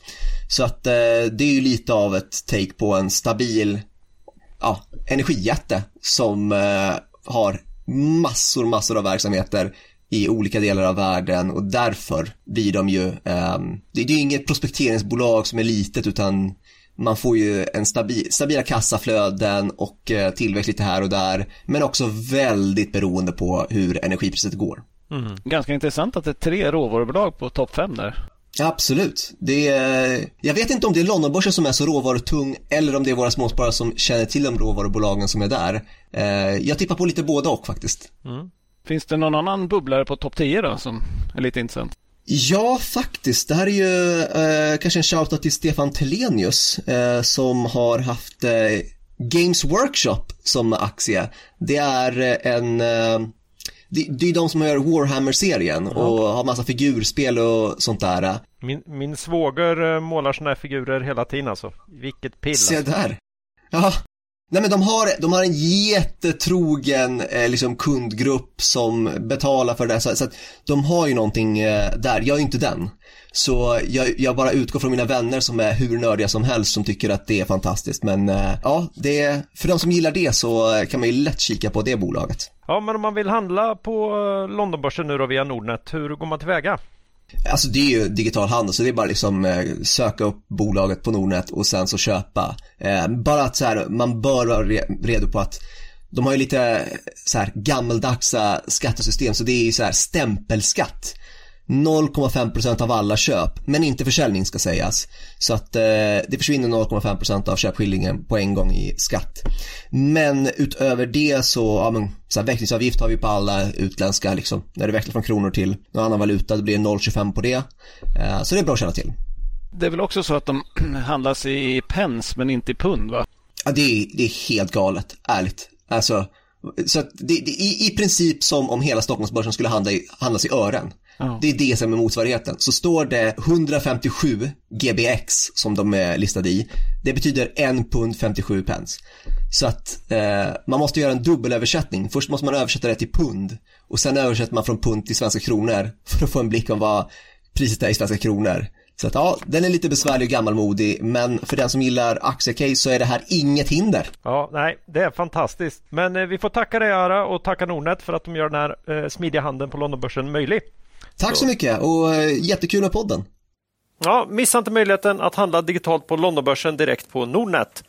Eh, Kom dock ihåg att finansiella instrument kan både öka och minska i värde. Det finns en risk att du inte får tillbaka de pengar du investerar. Tack säger vi till Nordnet. Ja, vi hoppar vidare här bland bolagen. Nu har det blivit dags för Ogunsen. Ja, Bemanning och rekrytering främst inom finans. Eh, Kommer de ha några kunder kvar då när konkursvågen i banksektorn ebbat ut här? Eh, Senast med avsnitt 125. ja det är en bra fråga. kan du svara på den så, Det är en så bra är det fråga. lättare. Jag, jag tycker kanske att mina övergångar inte alltid är så himla snälla. Nej, men, men, men Det är var- lite som den här reportern som... som Hipp, eh, hipp. Nej, men ja, nu var inte du så snäll här. Han, han, när Jan Guillou lämnar studion, va? Ja. Ja, nej, men de var med i 125 efter Q2. Då. Vi sa att aktien var lågt värderad, men att det var en kamp mellan låg, låg värdering och osäkerhet om konjunkturen. För, Har de, den hörts förut? Nej. för, för då sa vi också att det, var inte lätt, det är inte lätt att slå eller spå 2023. Nej. Och har det klarnat då efter Q4? Ja, har du gjort det? Nja, säger jag. Ja, det är tufft. Jag kommer återkomma till det. Ja. Men, men först blev jag lite överraskad när jag plockade upp rapporten. 29 sidor. Du du vet ju hur Ogunsen brukar se ut. Ja, Nio sidor brukar de ha. mm, ja. Nu var det 29. Tänker man sig, vad har hänt nu? ja, vad har hänt? Eh, och vi har ju klagat på att de varit så kortfattade. Men, men nu är det mycket längre och det är för att de byter från K3 till IFRS. Då. Ja. Det är inget krav på eh, först något att man ska ha IFRS. Så att är det här ett förberedelse för flytt till huvudlistan kanske? Kan vara så, ja. Det sa de inte. Nej. Och de har ju inte, många andra byter ju när man har gjort ett stort förvärv.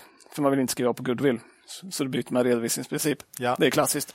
Det har de inte gjort här. Så att, eh, ja, nej, men jag gissar att man förbereder flytt, fast man inte säger det. Eh, omsättning Q4 då, eh, enligt vår förväntan nästan prick på. 15 upp på 140 miljoner. Här säger man att den ökande efterfrågan under första halvåret 22 stabiliseras under andra halvåret 22 och var i linje med andra halvåret 21. Okej. Ja, så. Eh, rörelseresultat 18,6 miljoner, lite bättre än vad vi trodde. Marginal 13,3. Det är högt. Ja, historiskt mycket högt. Ja, särskilt i Q4 för att eh, snittet i Q4 är på 9,7. Helåret 2022 har man 12,2. Det är ju långt högre än målet på 10. Eh, nog det enskilt högsta, tror jag. Ja, helår Enskilt kan vara. helår. Jag gissar det. Och, och det här är ju lurigt alltid när vi har bolag som presterar mycket bättre än vad målet är. Ja. Och dessutom historiskt högt, om det inte är någon transformation. Ja. Det känns dock som att Ogunsen ändå har gjort någonting underliggande som har blivit bättre senaste åren. Ja. Men marknaden har varit med dem. Så att det, det där är De lurigt. kanske haft mer tur. Det kan vara underliggande faktorn vi ser här. ja, Ja, Och då ville vi gärna att bolaget kanske då ändrar målet eller säger någonting. Ja, lite så ja. Mm. Får lite hjälp. Så. ja. Precis. Eh, Men tidigare har man bara informerat om omsättningsfördelningen mellan konsult och rekryteringsdelen. Då. Men nu så ger man information om lönsamheten. Klar förbättring. Mm. Jag, jag tror att det här blev för att man var tvungen att köra IFRS. Då. Eller i IFRS måste du ha segmentsrapportering. Så var man tvungen att ge mer information så att säga. Ja. Men i vilket fall som helst, vi är glada Mycket. att vi fick det. Eh, För på helåret omsatte konsultverksamheten 444 miljoner. Det är upp 20 22 procent. Eh, Resultat eh, plus 34 procent till 39 miljoner. Marginalen upp från 8,7 eh, från 7,9 förra året. Då. Så upp lite grann. 8,7 är ändå inte en jättehög konsultmarginal. Nej, de hade det 2022, alltså 8,7. Ja, 8,7. Okej. Det ja. var 7,9 året innan. Då. Ja, ja. Eh, För Q4 separat plus om 18 procent i omsättning, 10,5 i marginal. Då. Så högre i Q4. Eh, Men det var lite lägre än 11 förra året. Då. Okej. Här har inte vi vetat om vilken omsättning. Nej, det där är, inte, det är ju nytt. jäkligt bra. Eh, Rekryteringen då. Eh, omsatte 2022 61 miljoner, upp 7,5 procent. Eh, rörelseresultatet 38 procent, upp till 24 miljoner. Eh, och att resultatet ökade mer än omsättningen berodde på att marginalen var höga 38,6 procent. Oj, vilken business. mot 30 året innan. Det är väldigt bra. Eh, För Q4 separat då, så är omsättningen inom rekrytering dock ner 6,3 procent. Med resultatet upp 24 procent. Det- Sånt här är alltid lite lurigt. Känns som det finns någon form av klumpintäkt. Enligt redovisningsprinciperna då, eh, som de tar med nu så finns det något som heter överköpsarvoden. Och det är ju då när en, eh, man har, har någon konsult på, som uthyrd som köps in, eh, köps över. Då. Okej, okej. Och det hamnar tydligen inom rekryteringsdelen. Jag skulle tro att det kanske kunde ha hamnat inom konsultdelen, men det verkar inte vara så. Eh, och gissningsvis finns det något sånt här i Q, Q4 i och med att eh, marginalen är så mycket bättre, men omsättningen är ner. Då, så att säga. Mm, just det. Eh, sammantaget kan man konstatera väldigt olika eh, lönsamhet på de här delarna. Då. Det hade vi anat, men nu fick vi siffror på det. Konsultdelen 88 procent av intäkterna, men bara 62 procent av resultatet. Rekrytering 12 procent av intäkterna, men 38 procent av resultatet. Ja. Och Det här gör ju då att en nedgång inom rekrytering slår hårdare eh, än på resultatet än nedgång inom konsult.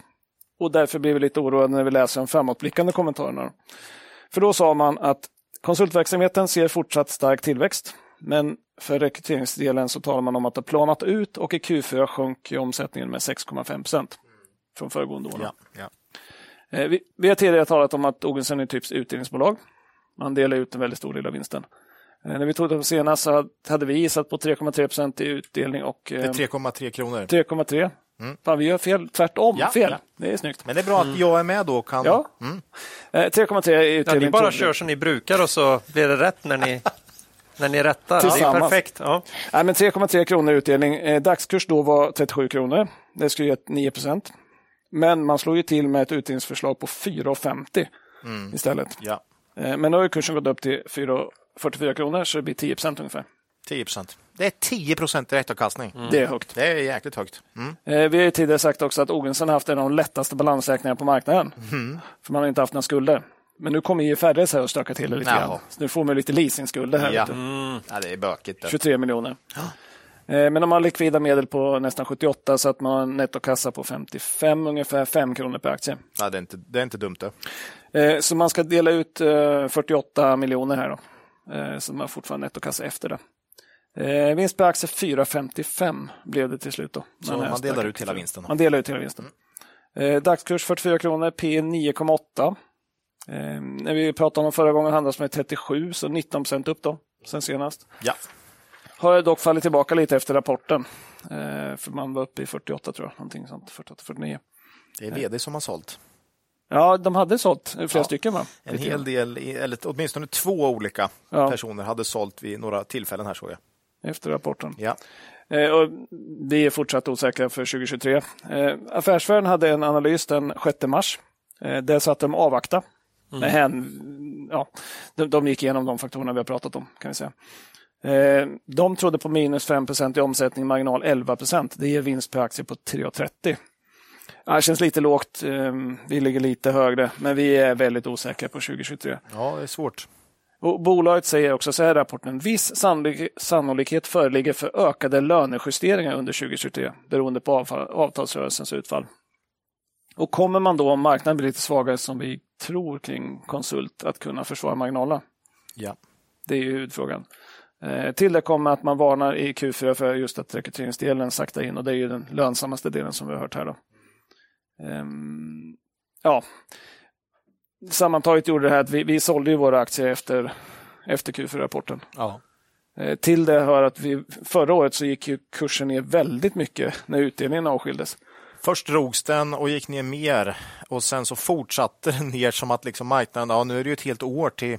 Ja, exakt så. så. det blev brutalt. Så att, till nästa peng. Till nästa peng kommer. Så att, eh, ja, jag vet inte. Vi, det här är inte ett lätt beslut direkt. Nej, men då kände väl vi så att ja, Ja. Men ska vi vara med över den Nej. i år när man varnar för de här sakerna som ändå är de som påverkar lönsamheten mest. Ja, och dessutom så mycket insynssälj och ja, lite lurigt. Så att vi, nu har aktien gått ner lite grann sen, sen dess. Då. Ja. Men, men, och det är, det är inte högt värderat på något sätt. Nej. Eh, och, och bolaget har inte gjort något fel. Vi kommer säkert äga dem igen, men, men vi kollar lite från sidan nu ett Ja. tag. Man behöver inte äga. Nej, det måste man inte. Måste inte. Men, eh, men Plockar inte, upp dem i sommarbäsen sen. kanske det. Ja, vi får se hur pass illa det blir med rekryteringen. Ja. Eh, och så. Men, men eh, stort plus till att de ger mer information än tidigare. ja. Någonting positivt eh, av IFRS alltså. Och, och så får vi se om de hamnar på huvudlistan. Kommer ett sånt pressmeddelande här Ja, det är kanske. ju spännande. Det finns många sidor på alla mynt. Så är. Minst två. Eller oftast två. Det var Ogunsen. Ja, tack så mycket för frågan sen. Eh, Räkan då, RakeTech. Eh, det här är ju en affiliate inom iGaming eh, som skördar stora framgångar på den japanska marknaden. Men inte verkar få behålla något av pengarna, vad det verkar. Senast med avsnitt 130. Ja. ehm, bra Q4 här, får man nog säga. Väldigt mycket in line med våra förväntningar. Omsättningen ökade med 32 procent. Eh, vilket var lite bättre än vi trott. Organiskt ökade omsättningen med 23 procent. Resultatet före skatt ökade med 17 procent och var faktiskt exakt. Där prickar vi exakt faktiskt. Det var ju lite gött. Det är kul. Alltid lite gött. Vi har ju börjat med såna här utvärderingar och Ja. vad, vi, vad vi tror. Ja. Eh, Så här fick vi faktiskt en femma. ja, det var rikt, riktigt kul att man sätter... Det, det fick vi inte på alla rapporter. Nej. Eh, Tjänster och produkter med lägre marginal har drivit tillväxten här, vilket förklarar då att vinsten inte växer lika snabbt som omsättningen. Sub-affiliation och de här bettingtipsen och advice på den amerikanska marknaden har lite lägre marginal och det är där man har tagit mest. då. Eh, Sub-affiliation och bettingtips och sånt tycker man, tycker man själva då är, är lite lägre risk. Så man tycker ändå, visst det är lägre marginal men också lägre risk. Så att eh, de gillar nog ändå att de växer där tror jag. Eh, men som sagt, det förklarar att vinsten växer lite långsammare. För att prata om det här med att öka vinst i absoluta termer också. Ja. kan vara viktigare än att bara hålla hög marginal. Ja, precis.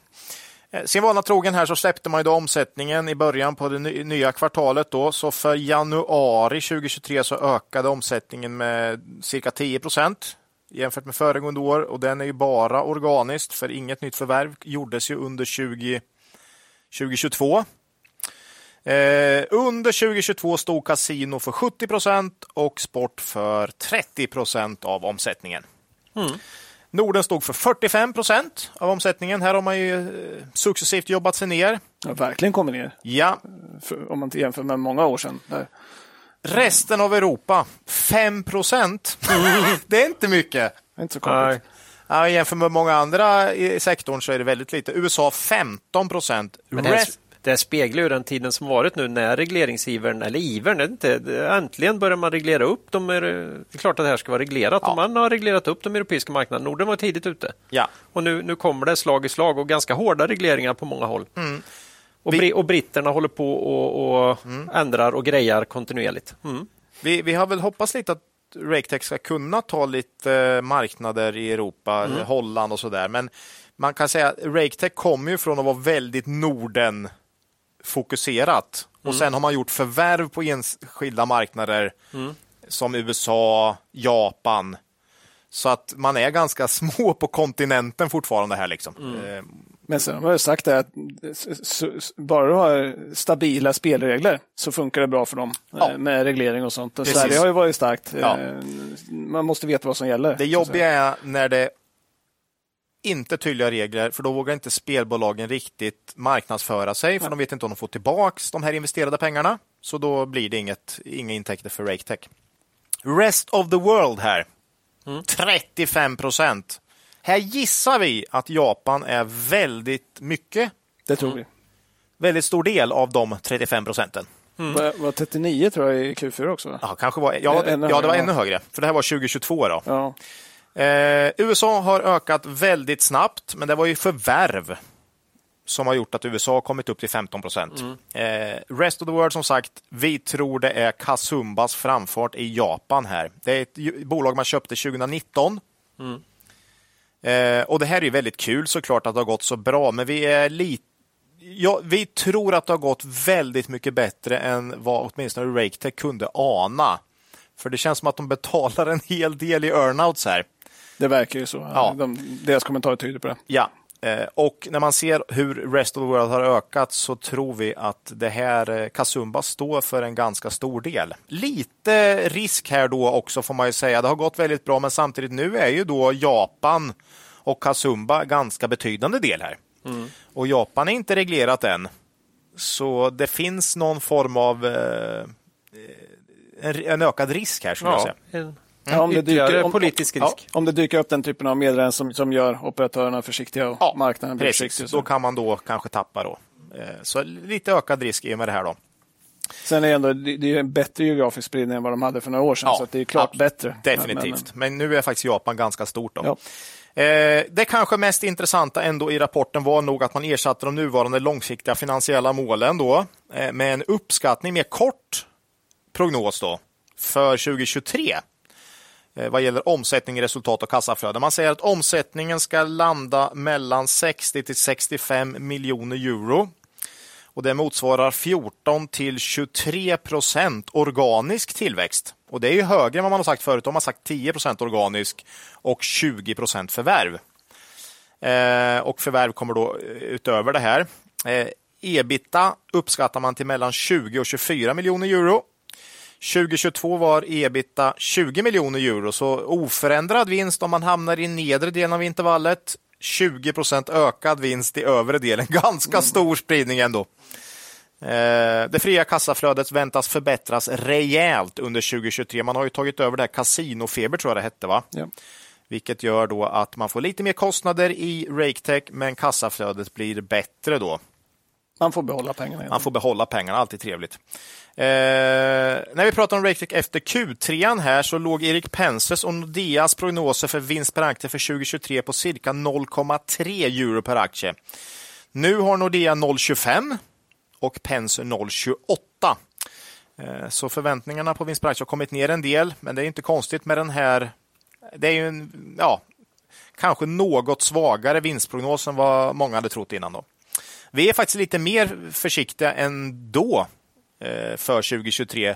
Vi var mer försiktiga för 2022 och vi låg lägre för 2023 innan också, men nu ligger vi på 0,22 0,23 i vinst per aktie eh, för 2023. Uh, eh, igår var kursen 20 kronor. Idag innan jag skulle gå in här såg jag stod i 1910. Så lite skillnad. Uh, det ger P 7,5. Inte dyrt. Eh, dock, senast vi pratade RakeTech så var P 5. så lite upp är det. Eh, kursuppgång sen sist och dessutom sänkta prognoser. Då. Kul, bolaget här föreslår utdelning för första gången. Det var vi inte riktigt med på. Nej, det trodde vi inte. Nej, en kvalitetsmarkör. Direktavkastning 5,5 procent på 19,10. Kanon. Eh, läget här är bra. Jag tycker det levererar fortsatt bra. För varje kvartal här som man levererar stabila resultat så tror vi marknaden kommer bli mindre och mindre skeptisk. Det vill säga med tid bör kanske P talet kunna smyga sig uppåt här när marknaden får lite mer och mer förtroende helt enkelt. Nu är de kanske inte den hetaste branschen och så, men ändå med historik så får du ändå någon form av eh, större förtroende om man fortsätter leverera. Eh, aktien är fortsatt billig, kanske lite mindre billig, men fortfarande billig. Eh, vi tror inte på någon stor vinsttillväxt under 2023 här då. Eh, framförallt inte under inledningen av året. Vi tyckte också de var lite försiktiga när de pratade om eh, Q1. Då. Ja, de påtalar ganska tydligt att den här särskilt USA-delen var väldigt stark förra året i Q1. Ja, så vi får väl se. Eh, Kasumba går ju väldigt bra, men innebär också en viss risk för närvarande. Då. Eh, vi valde lite på ogunst... Hade du tagit upp det här med Kasumba, att de ökar den här avsättningen för mm. tilläggsköpeskilling väldigt kraftigt igen. Ja. För Kasumba. Just det. Vilket ju tyder på att just den delen går så väldigt starkt. Eh, men det innebär ju, det ser ut som att man ger bort väldigt stor del av kassaflödena därifrån. Och nu ja. hade man gjort en deal om att man fick längre tid på sig att betala det här. Mm. Vilket igen tyder på att det är väldigt stor del som kommer just därifrån. Så ja. Så, och så, som ska ut framförallt också. Ja, det är det. Att de får ju, verkar inte få bolla någonting av det här nästan. Nej, tills de då tar över det då. Och det, och det är väl 2024? Ett, ett ja, mitten på 2024 tror jag. Mm, tar de över Kasumba. Ja. Mm ja, inte riktigt, men nästan ett och ett halvt år bort. Så det är en stund kvar ja. alltså. Eh... Och det är väl lite osäkerhet där, för de har inte gått ut med hur det ser ut. Man ser ju bara att de ökar avsättningarna väldigt mycket. Mm. Mm. Men, men, de har inte sagt hur det... Det står ju att den är uncapped. Ja, uncapped. Ja, nej, det känns som att lite konstiga villkor i den earnouten eh, faktiskt. Eh. Ja, sen säger de att den, det är för att den har gått så väldigt, jo. väldigt bra. Ja, men, men, man brukar ändå... sätta tak. Ett ja, tak det är, alltid... ganska vanligt med tak skulle mm, jag säga. Mm. Eh, nej, men vi, vi lite på Ogunsen-temat ändå. Att det var inte särskilt... Det var med viss tvekan vi sålde våra aktier i samband med rapportsläpp här. På cirka 20,50 uppskattar jag det till vi fick i snitt, något sånt. Eh, vi väljer egentligen att stå vid sidan om ett tag. Det gör vi ibland i bolag när vi liksom inte riktigt känner oss trygga mm. med vart vinsten är på väg på kort sikt. Även om vi tror att bolaget eh, över tid kan vara väldigt bra. Mm. Eh, så lite på Ogunsen Det tror jag är också ett fint bolag. Det är ganska lika båda två. Ja, jag tycker det. Eh, Ratec är ett bolag i den här sektorn, alltså spel om pengar som vi gillar och jag skulle inte bli förvånad om vi är ägare här igen någon gång i framtiden. Och dessutom, det är viss skillnad på 20 och 50 och 19 och 10 också. Jag vill bara flika in där. Mm. Det är spel om pengar och du pratar Ogunsen. De jobbar ju mot bank. Mm. Det är ju också uppenbarligen spel om pengar. har vi fått lära oss nu på senare. Så ja. Det är noll skillnad. Ja. Noll skillnad. Så, så, så ja, jag, jag gillar RakeTech. Vi äger inte för närvarande, men eh, förhoppningsvis så eh, är vi delägare här så småningom igen. Mm. Men vi, vi, vi står vid sidan om här ett tag. Mm. Får vi se vad ja. framtiden har att erbjuda kommer väl ett bud nu. Jag har nog kvar i pensionssparet på mm. samma sätt som i. Ja. Mm. ja, det finns en liten skvätt där faktiskt. Mm. Det, hos MIG. Det om RakeTech. Bra. Eh, det var räkan. Mm. Då tar vi dagens sista bolag då. Ja. Och eh, vi summerar upp den här eh, ventilationsgrejen då. Det är Systemair. Mm. Lite mer luft där. Lite mm. mer luft. Eh, jag har fått den stora att titta till ventilationsbolaget Systemair. Roland Kasper i förarsätet. Ja, sen har han ju sin eh, kompanjon, sin kompanjon Anders Ulf. Va? Just det. det är liksom en toppduo där med fyra förnamn på de mm, två. Mm. Det... De jobbar också för fyra. Därav är det här helt... Det är lite Man kan säga Roland, Kasper, Anders och Ulf. Då. Mm. Det är de fyra som kämpar på här. Det kämpar på. Mm. Och, och, det går bra för dem. Ja. Eh, vi tog de senaste avsnitt 127 oktober förra året. Mm. Och eh, då hade de kommit ner kraftigt från eh, toppen de hade vid årsskiftet 2022. Då handlades de till P40. Uh, kursen var strax över 100 spänn, 102 spänn kanske. Det var riktigt högt på toppen. Det var helt, det var, det var helt okej vinstnivåer också. Det, var, det kanske inte var den allra yttersta, men du brukar säga topp, topppris på toppvinster. Toppvärdering på toppvinster. Och det var väl nästan toppvinster. Ja. Uh, och i oktober hade de alltså kommit ner rejält i börsraset, eller vi kallar det börsras, i börsnedgången. Du får säga ras. Du är, så, du är så försiktig. Ja, handlas runt 50 spänn där då. Ja. Tyckte det var rimligt värderat. Ja, vad kul! Ja. Äntligen! Och höll tummarna för att uh, ytterligare lite luft skulle sippra ur den här ESG-bubblan. Vinsten kanske skulle få sig ytterligare en törn kortsiktigt. Mm. Då tänkte vi att vi kanske skulle få logga in på depån på Nordnet och än en gång få se Systemair i stora portföljen. Men! Men! Vi sa redan då att vi förmodligen ändå kommer fega ur då av rädsla för vikande byggkonjunktur och stigande räntekostnader. Men det var inte det som hände. Det här kom ju av sig ändå då eftersom Studsen blev ja, märkbar. bö- börsen handlade upp det här direkt igen under hösten här Ja. och under vintern så kom de ganska snabbt tillbaka till de 80 kronor de handlas kring nu. Mm. Och eh, ja, P30 på historiska data. Mm. Där, där brukar inte vi vara och fiska i de, i de vattnen om inte vi kan se någon fantastisk utveckling då. Va? Nej. Eh, Så vad har hänt eh, i bolaget då? Ja, de har kommit både, med både Q2 och Q3 i sitt eh, brutna räkenskapsår. Avslutas sista april. Rensat för nedskrivningar i Ryssland så var Q2 i linje med traditionellt höga rörelsemarginaler i kvartalet. Runt 10 procent. Och oms omsättningstillväxten var stark här, hela 26 procent. 15 procent organiskt. Jag har glömt kolla hur mycket av det som var pris. Inte Det, säkert det stod nog inte. Nej, eh, det är, för det är oklart här, eh, skri- skriver jag. Eh, bolagets mål är att växa omsättningen med i snitt 10 procent och ha en rörelsemarginal på 10. procent över tid. En, Lindab, exakt. ja, en dubbeltia. Då ska fanken inte värderingen kunna vara 30 mot 10. Nej, det, det- är inte rimligt. Det är det som är lite spännande med att ta de här två bolagen, för, för det finns väldigt mycket likheter, men Ja. det finns en stor olikhet. Ja, det är värderingen. Ja, jag Nej, tänkte, det, nu, jag- nu går vi händelserna i förväg här, Claes. Du, ja, du får, ja, ja. ja, men det är ju så. Eh, det var ju starka siffror då i Q3, här, deras Q3, eh, även för det traditionellt starkaste kvartalet.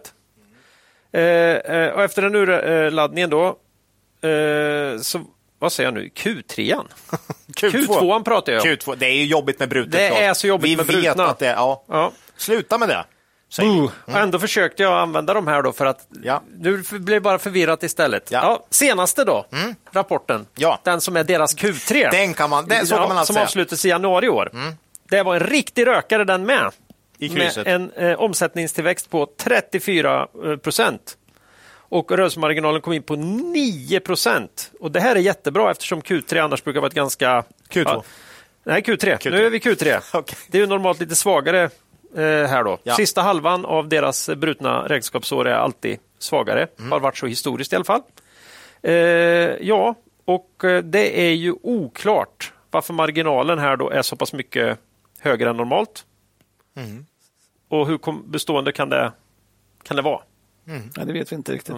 Och Det kan hänga ihop med att det är lite svårt att förstå de här ganska eh, stora skillnaderna eh, mellan kvartalen eh, som alltid har funnits i, i Systemair. Det har väl helt enkelt att göra med hur order, orderingången faller över året. Liksom. Det var väl inte helt klart, tycker jag, när man lyssnar på konfkålet. Alltså varför det var så mycket bättre än vanligt just. Nej. Eh, Alltså en gissning är ju då att det har att göra med att de har kunnat höja priserna eh, ganska bra under året. Då, va? För att under konfkålet fick vi reda på att av de här 22 procenten eh, av, av ökningen på 36, pro- 36 procent, nej 34 procent var det ju, så, så var 14 av dem kom från prishöjningar. Så det var ju rejält mycket Väldigt stor del. väldigt stor del. Och Då kan man tänka sig att eh, den goda marginalen kan ha att göra med att man har lyckats höja priset men samtidigt har det som för så många andra insatsvaror och energi och så har börjat komma ner snabbare än vad man hade trott. Kan ha varit så, ja. Ja, så kostnaderna har nog varit lägre skulle jag tro. Har, Här, här tycker jag är lite så här, här får man lyssna på konfkålen för där får all, alla analytiker ställa den frågan hela tiden. Ja, men hur mycket pris då? Och Ja. så säger de det.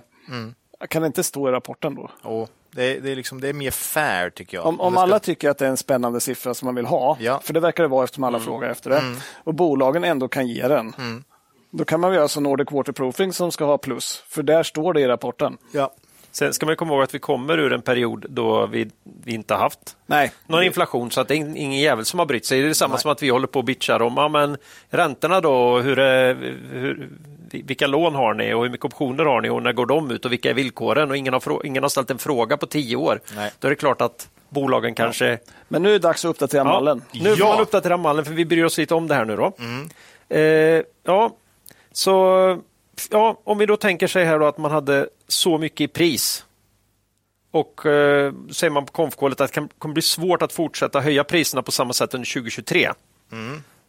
Så, så det, den här jättehöga omsättningstillväxten som har varit här kan nog ja, kom, komma på skam lite grann. Dämpas lite i alla Ja. fall.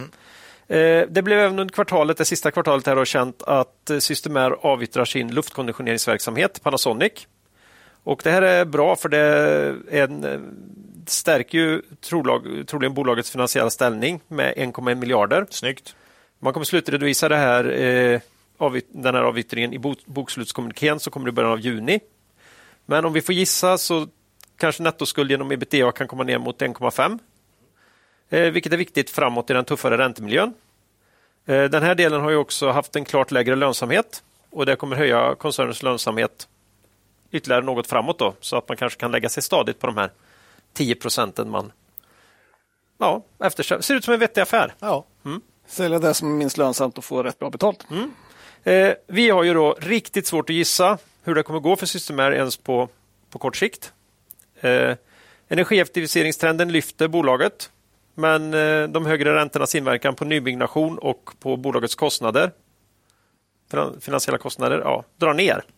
Jag tänker att man kan gå nu hoppa tillbaka och lyssna på allting som eh, Macke sa nyss om Lindab och deras möjligheter och utmaningar framåt. För ja, det är ju karbon Det finns jättemycket sådana likheter. Mm. Långsikt så, borde de ha väldigt fina förutsättningar de också. Eh, Som tur är då så kanske inte vi behöver hitta på vad vi tror om framtiden. För både eh, Börsveckan, och, eh, som hade med bolaget i sitt senaste nummer, och Erik Penser eh, har, eh, ja, Erik Penser har släppt en uppdragsanalys här i mitten på mars och Börsveckans senaste numret. Vi lånar deras Ja. gissningar. De tror att eh, det här året nu då kommer eh, landa på 3 eller från 3 till 3,50 eh, kronor i- per aktie i vinst. Eh, lite oklart här hur man hanterat nedskrivningen, nedskrivningen i Ryssland som kom i höstas här och eh, den förväntade reavinsten från försäljningen av luftkonditioneringsverksamheten. Jag tror att det är det som gör att de ja, diffar så pass mycket här. då. Eh, för redovisningen av luftkonditioneringen kommer i Q4 här. Men eh, om, om vi tittar ytterligare ett år framåt. Då på, Nästa räkenskapsår. så att Ja, säga. Då tror båda att, ham- att de hamnar på 3,70-3,80 någonstans. Okej. Och det finns ingen, vi har ingen anledning att tro att det inte skulle kunna bli så. Det ger ett P framåtblickande här då på 21-22. Ja, nej, men då är vi ändå okej. Det skulle kunna vara nästan rimligt om årets förväntade tillväxt som, ja, på runt 24 procent eh, skulle kunna hålla i sig framöver. Men det är ju ingen som tror på det. Nej. Det var ju det vi var inne på här. Att, eh, mycket li, vi har i alla fall lite svårt att tro. Ja, men inte heller eh, Börsveckan eller Penser gissar på det här utan de tror ju på, låga, eh, på låg ensiffrig tillväxt under det kommande räkenskapsåret. Och då är det ju på tok för dyrt. Mm. Eh, ingen större utdelning här heller. Kommer förmodligen bli oförändrad på 90 öre. Man kan hoppas det i alla fall för de, det är nog smart att satsa på att stärka balansräkningen ytterligare här. Eh, ja, är vår förhoppning att få komma in i Systemair här eh, som vi hade i oktober. Den kom ju rejält på skam. Eh, vi får avvakta och återkommer om värderingen börjar leta sig ner igen. Eller något annat kul händer som kan vara värt att ta upp. Då kanske det blir under Aktuellt i och för sig. Eh, vi äger ingenting i Systemair. Det var länge sedan tyvärr. Och ja, Ska vi, ska vi ta en liten snabb sammanfattning där? Jag menar på något sätt Lindab versus Systemair så är de ju väldigt lika egentligen. Eh, historik, ja historiken är ju bättre på Systemair. historik, hi, His- historik. Historiken. His- du vet ni vem Ja, det är jag som ska åka till- i västerled här kan Jag jag säga. Nu ska till sig. USA, men det är först imorgon här. Så att, eh, Håller på att förbereda. Historiken, Ja, ja. Nej, men historiken är ju klart bättre i Systemair. Mm. Men däremot, om vi kollar nuläge och vad de, deras mål är ju väldigt lika. Mm. Ja. Eller identiska. Så då ska det ju inte vara P 13 mot 22. Linda var ju till och med lite högre mål för att eh, Systemair vill ju ha 10-10 De vill- och de- Linda vill ju vara över Över. 10-10. Ja, det nej, kanske men- inte är en slumpes. Så här tycker vi då. Eh, I historik så vinner ju Systemair. Men värdering kontra möjligheter framåt så är vi mer intresserade av Lindab. Ja. På grund av värderingen då. Jo. Så att, eh, och, och, mm, det, blir det här blir riktigt spännande att följa, följa. Två fina bolag i jäkligt intressant bransch. Ja. Eh, Och särskilt i den här eh, energieffektiviserings... Ja, det borde vara bra för båda. men, vi, men vi utnämner väl Tiden. Lindab till lite vinnare i dagens eh, genomgång här va? Ja, Mer intressant för oss i dagsläget. Ja, de, De, de är ungefär lika stora boxare men eh, Linda var fördelen att tävla i en betydligt lättare viktklass. Ja, det är inte dumt. Eller hoppa li lite, hö- lite lägre. Ja, ja. Man hoppar. lite, lite lägre ribba. Ja. Grymt Claes! Ja. Eh, så var det med Systemair. Vi tackar också Roland, Kasper, Anders och Ulf. Ja, det gör vi. Hela ledningsgruppen. Ja, hela ledningsgruppen. I förra avsnittet mm. då intervjuade ju vi legendaren Per H Börjesson som utöver att vara ständigt aktuell nu är extra aktuell med en nyutgåva av sin eh, bok Så här kan alla eh, svenskar bli miljonärer. Vi utlovade då att låta ut fyra böcker som vi fått med oss efter intervjun. Anstormningen på mejl här har ju varit något utöver det vanliga. Vi har fått 340 inkommande mejl här. Eh, Så vi fixar fram sex böcker till. Så nu kan vi alltså låta ut tio böcker till lika många lyckliga vinnare. Men innan vi läser upp namnen på dem så ville du säga något, Marcus här. Ja, men jag har ju suttit och läst alla de här. Eh, så stort tack till alla för alla glada tillrop som har kommit in. Det är fantastiskt. Vi har ju de bästa lyssnarna. Vi har ju haft, vi har haft högläsning av de här på kontoret. Ja, man, Lite tår i ögat nästan när man läser. Vi, otroligt eh, tacksam för de här fina orden som vi får från er. man blir lite varm i hjärtat. Ja. Eh, jag sa ju senast också att man kunde skriva något trevligt. Så det var ju ett gäng som skrev något trevligt i mejlet. Det var ganska kul. Det är ju lite, He- hela- våra, det är ju lite våran Ja, humor. det är våran humor. Ja, så att det är ju pluspoäng. Så det var ja. roligt. Men det var många roliga historier. Ja, Någon som hade köpt ett hus och fått sitt drömhus och tackade Kap för, för råden möjligheten. genom Ja, det tiderna. är ju jäkligt Och kul alltså. Så det Ja. var, det var hä- härligt. Ja, Ja. stort tack. Eh, nej men, eh, det värmer något. Vi har läst igenom allihop. Och, eh, Jag har svarat på ett gäng men inte men på allihopa. Vi har inte för det hunnit var svara på alla. Eh, så är det. Ja, eh, Har vi några vinnare? ja, mitt älskade Det hade varit Excel tråkigt annars faktiskt. har ju utan inbördes ordning, brukar de ju säga, Ah, just det. eh, lottat fram följande vinnare då. Tio stycken. Nu ska vi se då om det blir tio, annars måste jag skaffa fler eller färre böcker. Ja, fler, ja. Eh, eh, Sixten Erlin i Bjärred. Oh. Julian Sidén Ra- Ragnevall, Stockholm. Sofie Svanberg, Munka Ljungby. Oskar Gunnarsson, Vimmerby. Camilla Wawruch, Linköping. Ah, alltså det där efternamnet, vi, ch- det, det är en chansning på det. Ja. Eh, André Jakobsson, Ängelholm. Mattias Hörnqvist, Gustavsberg. Mikael Hjelm, Hisingsbacka. Erik Karlsson, Grästorp och slutligen Malin Svensson i Bankeryd. Stort grattis! Det kändes lite som. Radiosporten här Claes. Jag fick den här känslan, du vet, söndag eftermiddag, eh, sent 80-tal. Och när du satt Man gick och, igenom. Ja, man gick igenom eh, vilka som hade kommit främst i, i någon eh, form av, eh, ja, kanske orienteringstävling. Ja, Mm, eller något. Men lite otur. Det var inga norrmän och, och dan, eh, eh, Finnar, danskar. finnar. Nej, vi, Nej. vi, vi, finska lyssnare. Vi hade ett gäng svar från både Finland och Norge, men de hade otur i lottningen tydligen. Den här Ja, eh, slumpgeneratorn, Claes, Du de ta- får eh, den trimma, får, den trimma får in där. trimmas. Vi till får ta ett snack med Excel. De får inte diskriminera våra Nej, grannländer. nej. Ja, ska jag börja göra någon sån här eh, liksom indelning och Nej, ut i olika grupper? Nästa gång kanske De kan norrmännen har all tur. De Vem får vet? allt. De Ja. får allt. Mm. Till, eh, till skillnad från livet i Det stort. blir, det blir som skidorna igen. Ja, ja. Europris. Ja, eh, men det som man kan säga då, det var ju många som hade lite otur där. De har ju ingen otur, för de kan ju nämligen gå in eh, på länken i avsnittsbeskrivningen. Mondial heter förlaget. Där kan man alltså köpa boken till 25 rabatt Ja. med koden PHB, alltså Per Håbergsson som initial PHB. Ja. 25 procent. Snyggt. Och den var inte dyr från början kan jag säga. Nej. Så gör All- det bara. alla är vinnare. Gör det bara, alla är vinnare. Ja, då har det som utlovat åter blivit dags att prata AI i podden. Denna gång i sällskap med Per och Jonathan från vår sponsor Drake Analytics. Eh, vilka är ni? Eh, hej, eh, Per Malmlöv, medgrundare Drake Analytics, eh, datanörd i själ och hjärta. Eh, Och jag är Jonathan Bjurenfalk, eh, Data Scientist på Drake Analytics. Vilka är Drake då? Vad gör ni?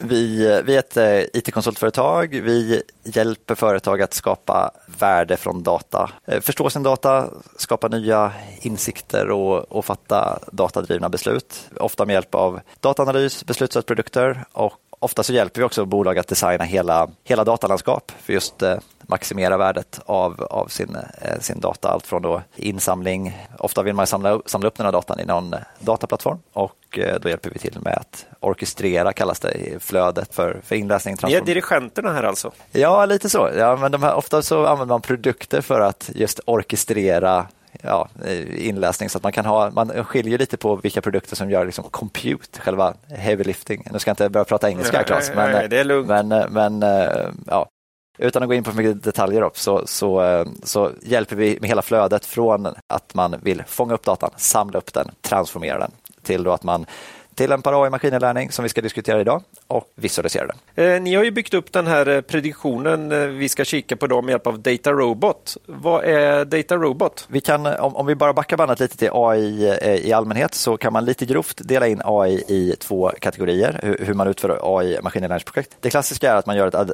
ad hoc-projekt, en data scientist som till exempel Jonathan bygger en modell eh, från botten upp, kanske använder Python eller något annat programmeringsspråk, använder olika bibliotek, väljer ut och testar en modell på historisk data, verifierar den här med ytterligare eh, lite undansparad historisk data och sen tillämpar den här modellen på framtida data. Och Sen har vi då auto eller äh, automatiska AI maskininlärningsprodukter där Data Robot är en, en sådan. Där låter vi istället äh, produkten guida oss och hjälpa oss att testa fram de här Eh, modellen, algoritmerna, ofta i form av ett seriespel. Så eh, ja, man kan se det som ett seriespel där modellen eh, provar fram olika eh, modeller och det det innebär är att det går fortare att eh, skapa de här eh, modellerna. Vi kan få mer eh, AI maskininlärningsmodeller i, i skarp användning och vi kan också ge det här verktyget till helt nya yrkesgrupper som annars, som inte har, som Jonathan, en formell utbildning som, som data scientist. Ja, lite fusk alltså, men det gillar vi. Eh, genvägar är bra. Eh, varför använder, man inte, varför använder man inte bara det här då? Ja, det är en bra fråga. Eh, vissa, de här produkterna löser vissa problem jättefint och, och, och vissa andra problem lämpar sig andra ansatser bättre helt enkelt. Det är väl det korta svaret. Så om vi kikar på problemet vi har då så ville vi egentligen visa hur enkelt det är att få ut initiala resultat med hjälp av Data Robot. Så vi har börjat med att läsa ut tio års data eh, från börsdata med hjälp av deras API. Och vissa bolag kan ju tillkomma eller falla bort under den här tidsperioden. Men maximalt antal datapunkter är 40 per bolag på kvartalsnivå. Eh, och I datat har vi dels finansiella siffror men även diverse KPI. Och efter det så har vi sedan gjort en så kallad tidsserieanalys. Så vi har kollat på hur variablerna hänger ihop och hur de rör sig över tid. Och sen har vi då försökt predicera om ett bolags vinst kommer att öka eller minska eh, jämfört med ett jämförelsekvartal året innan vi, vi skojade lite med dig Claes och ja, skulle den här modellen bli bra så, så blir det ingen reklam. Nej. Men nu sitter vi här och spelar in i alla fall. Ja, just det. Annars skulle jag bara ta den och inte säga något till någon. Nej, men den är spännande. Vi ska komma till det strax. Ja, precis. Så vad Data Robot då gör är att den kör datasättet genom ett stort antal modeller med olika inställningar och försteg för att sedan jämföra och föreslå den modell den tycker presterar bäst på problemet. Och en film om hur vi gjorde i höstas för att få fram den här modellen har Claes lovat ska finnas i länkbeskrivningen här. Ja, till avsnittet. Nej, men vi, den togs ju fram i höstas här och vågar inte lita fullt ut på det här. Va? Så att vi fick ju resultat sen då. Den predicerar Q3 och Q4 och eh, sen kunde vi ju se hur det gick. Och det gick ju eh, riktigt bra. Så, så därför har vi ju bett modellen titta in i framtiden igen då. För att se om den kan hitta något oväntat. För det här blir ju som en slags väldigt avancerad screening. Ibland är det ju alldeles uppenbart, vi kommer komma till det här, varför ett bolag ska upp eller ner. Men ibland är det ju inte det och det är ju där, det är precis där det blir så spännande. Vad, är det modellen hittar som jag inte, som jag inte kan hitta eh, själv. Då. Ja, men vi tycker också väldigt, vi är väldigt spännande på din input här nu. Ja, ja men vi eh, började ju då med att från den här eh, modellen då så har vi eh, tagit de bolag som den kände sig mest säker på eh, historiskt när vi körde i höstas. Och sen kollade vi vad den trodde för de bolagen under Q1 och Q2. Och jag gjorde en snabb eh, utvärdering här utifrån de här givna fynden. Den tror till exempel att it-företaget AdNode ska upp båda de kommande kvartalen. Ja, det tror jag med.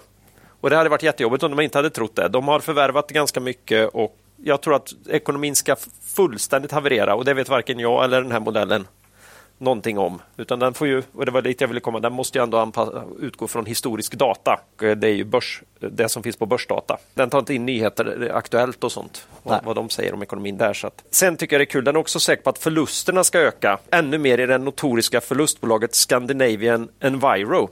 Det trodde ni aldrig att ni skulle höra det namnet i den här podden. Och det känns ju jätterimligt i mina, mina kapögon. Så de två kan man se som någon slags check här över att, att den hittar det lite uppenbara.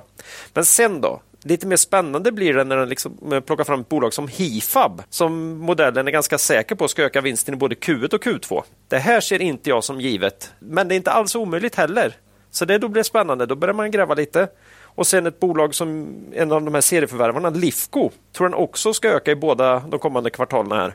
Och här tycker jag ju Q2 framförallt och det är ju ännu längre fram i tiden så det är ju svårare naturligtvis även för modern, en riktig rysare. Det vore ju snyggt fångat om modellen får rätt här. Så, så det var, var lite kul men då kände jag så här att äh, men vi måste även om modellen inte är hundra konfident på allting här så måste vi fråga om bolag som vi är riktigt intresserade av då. Precis, vi, eh, vi har tagit några av de här bolagen som Claes tyckte var intressanta och bett, bett modellen kolla vad tror den i Q1 och Q2. Här. Jag trodde du skulle behöva jobba hela helgen här, men det där fixade du lite snabbt på fredag eftermiddagen. Mycket imponerande. Nej, men eh, några kapfavoriter här då. Där, här tycker modellen att de här är lite mer svårpredicerade, annars hade den ju spottat ut dem från början då.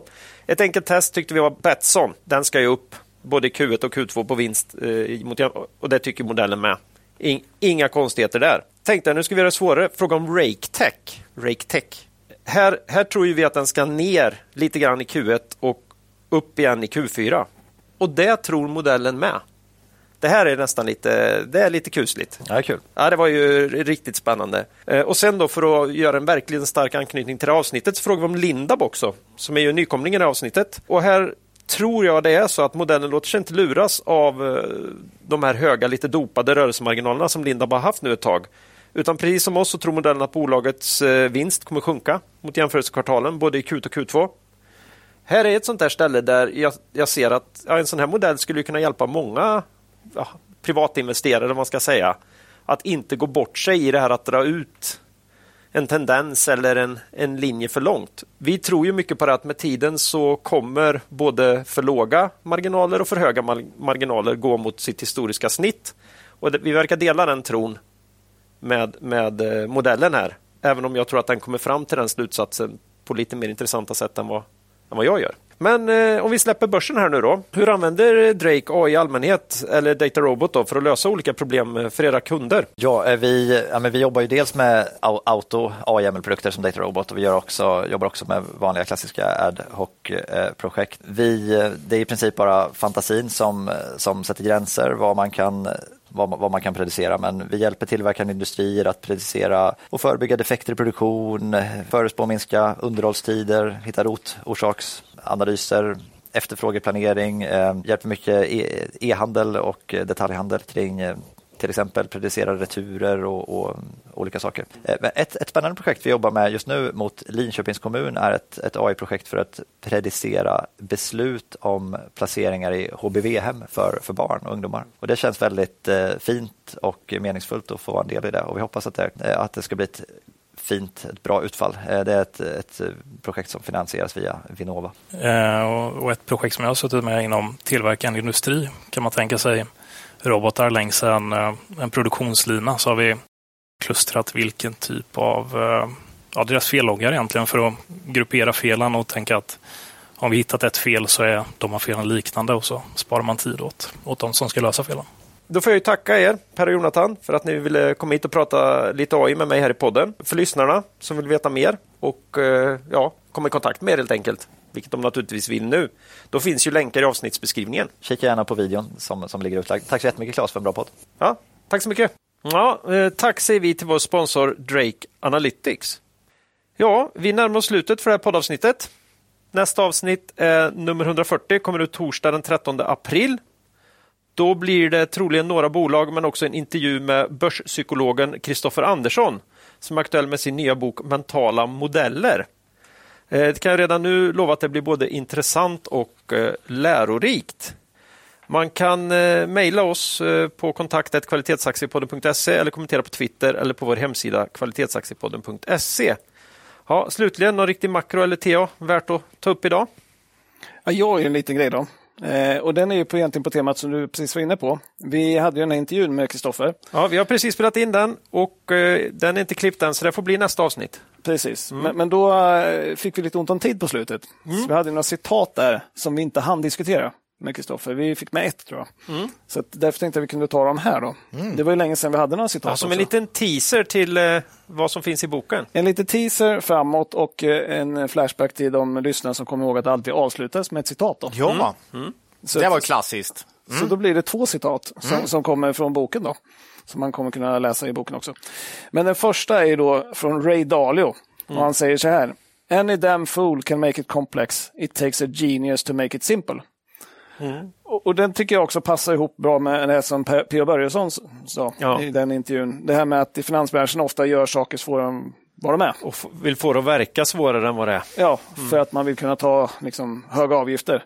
Eh, och sådär. Och, och vi brukar ju säga ibland att om det bara var teoretisk kunskap som om avancerade värderingsmodeller som var det mest avgörande så skulle universitetsprofessorerna vara mest lyckosamma i sina investeringar. Eh, och, och några sådana känner inte jag till i alla fall. Vi brukar ju också förespråka enkelhet istället för... Det ska vara ganska tydligt tycker vi. Man ska inte behöva räkna för mycket. Utan... Nej, och för avancerade modeller leder ofta till liksom, för, svåra, eller för många antaganden Ja. som, Ja. som blir för svåra. Och, och kanske inte det. Kan man hålla lä, ja, lättare så är det oftast bättre. Vi brukar prata om det här, men vi försöker ju få rätt på omsättning och rörelseresultatet framåt. Ja. Snarare än att rissa alla balansposter och så vidare. ja. Precis. Eller hålla på och gräva en massa i vad, hur kan den här senaste produkten från, eller tjänsten från företaget möjligen tas emot på marknaden och hur har liknande produkter från andra tagits emot eh, tidigare och hur ser, den- hur ser den här eh, nya marknaden i Egypten ut egentligen? Ja. Hur, hur, hur kan det bli? Keep it simple. Ja, keep Och, it och lite simple. på samma tema, när, när det blir ett jättestort transformativt förvärv, ja, då tycker vi att det blir lite för svårt, så då kanske vi tar något case som vi känner är lättare. Ja. G- Gärna någonting som vi känner att vi historiskt sett kanske varit skapligt hyggliga på att kunna förutse. Så att Ja. säga. Ja. Och, och Gör man det lite enklare för sig så är det också mycket lättare att komma tillbaka till det här bolaget eh, några år senare när det här transformativa förvärvet har fått spela ut. Och så kan man snabbt komma upp på banan igen och kanske investera. ja. Så vi tror på att försöka göra det någorlunda lite lättare. Så, Ja. säga. så det sa Ray Det är ändå så himla mycket man inte vet. ja det, det är det som är. Det är det som är. Eh, Tvåan då, sista, Warren Buffett. Måste Warren. Buffett. Ja, såklart. Och då har han sagt så här, We enjoy the process eh, far more than the proceeds. Det får vi skriva under lite på. Vi har också pratat om det där i podden lite att vi gillar att analysera och att hitta intressanta case. Det är den processen som är den, den riktigt roliga. Eh, sen vad det ger för avkastning, det är liksom är nästa grej och inte det vi fokuserar på på det sättet. Så att, Det är ganska kul just att kunna hitta något innan Marknaden, marknaden, ja. gör det och, så, Ja. och, och se att det kanske spelar ut som man trodde medan marknaden tror något annat. Ja. Och, och processen till att komma fram till det kan ju vara väldigt tillfredsställande. Ja, men så att det, är, säga. det är ju det som är vårt jobb. Sen vad börsen eh, sett, eh, värderar det här bolaget till så småningom, det är lite svårt att påverka. Utan man, det är vårt jobb och sen förhoppningsvis så landar börsen så småningom i samma analys som vi. Men det är ju processen av analysen som är det roliga. Ja, om man då har jobbat med det och Ja. kommer fram till någonting och så visar det sig att det spelar ut så är just Precis. Vi har pratat om, det, pratat om det så många gånger att det är ju så mycket roligare när man liksom är, är klar med någon form av, av analys eller man har gått in på ett bolag och priset är fortfarande attraktivt och man får köpa. Ja. Att i ett se, senare läge liksom kanske sälja med jättegod avans, det är inte det minsta kul. Nej. Det är nästan lite vemodigt eller tråkigt ofta. Ja, ja. För då Så- ska man ju också leta upp ny investering för de Ja. pengarna. Så att eh, det är, ju, det är ju analysen och köpet som är roliga. Japp. Och jag tror att det är det som Warren syftar på. Jag tror också det. Han är en klok person. Ja.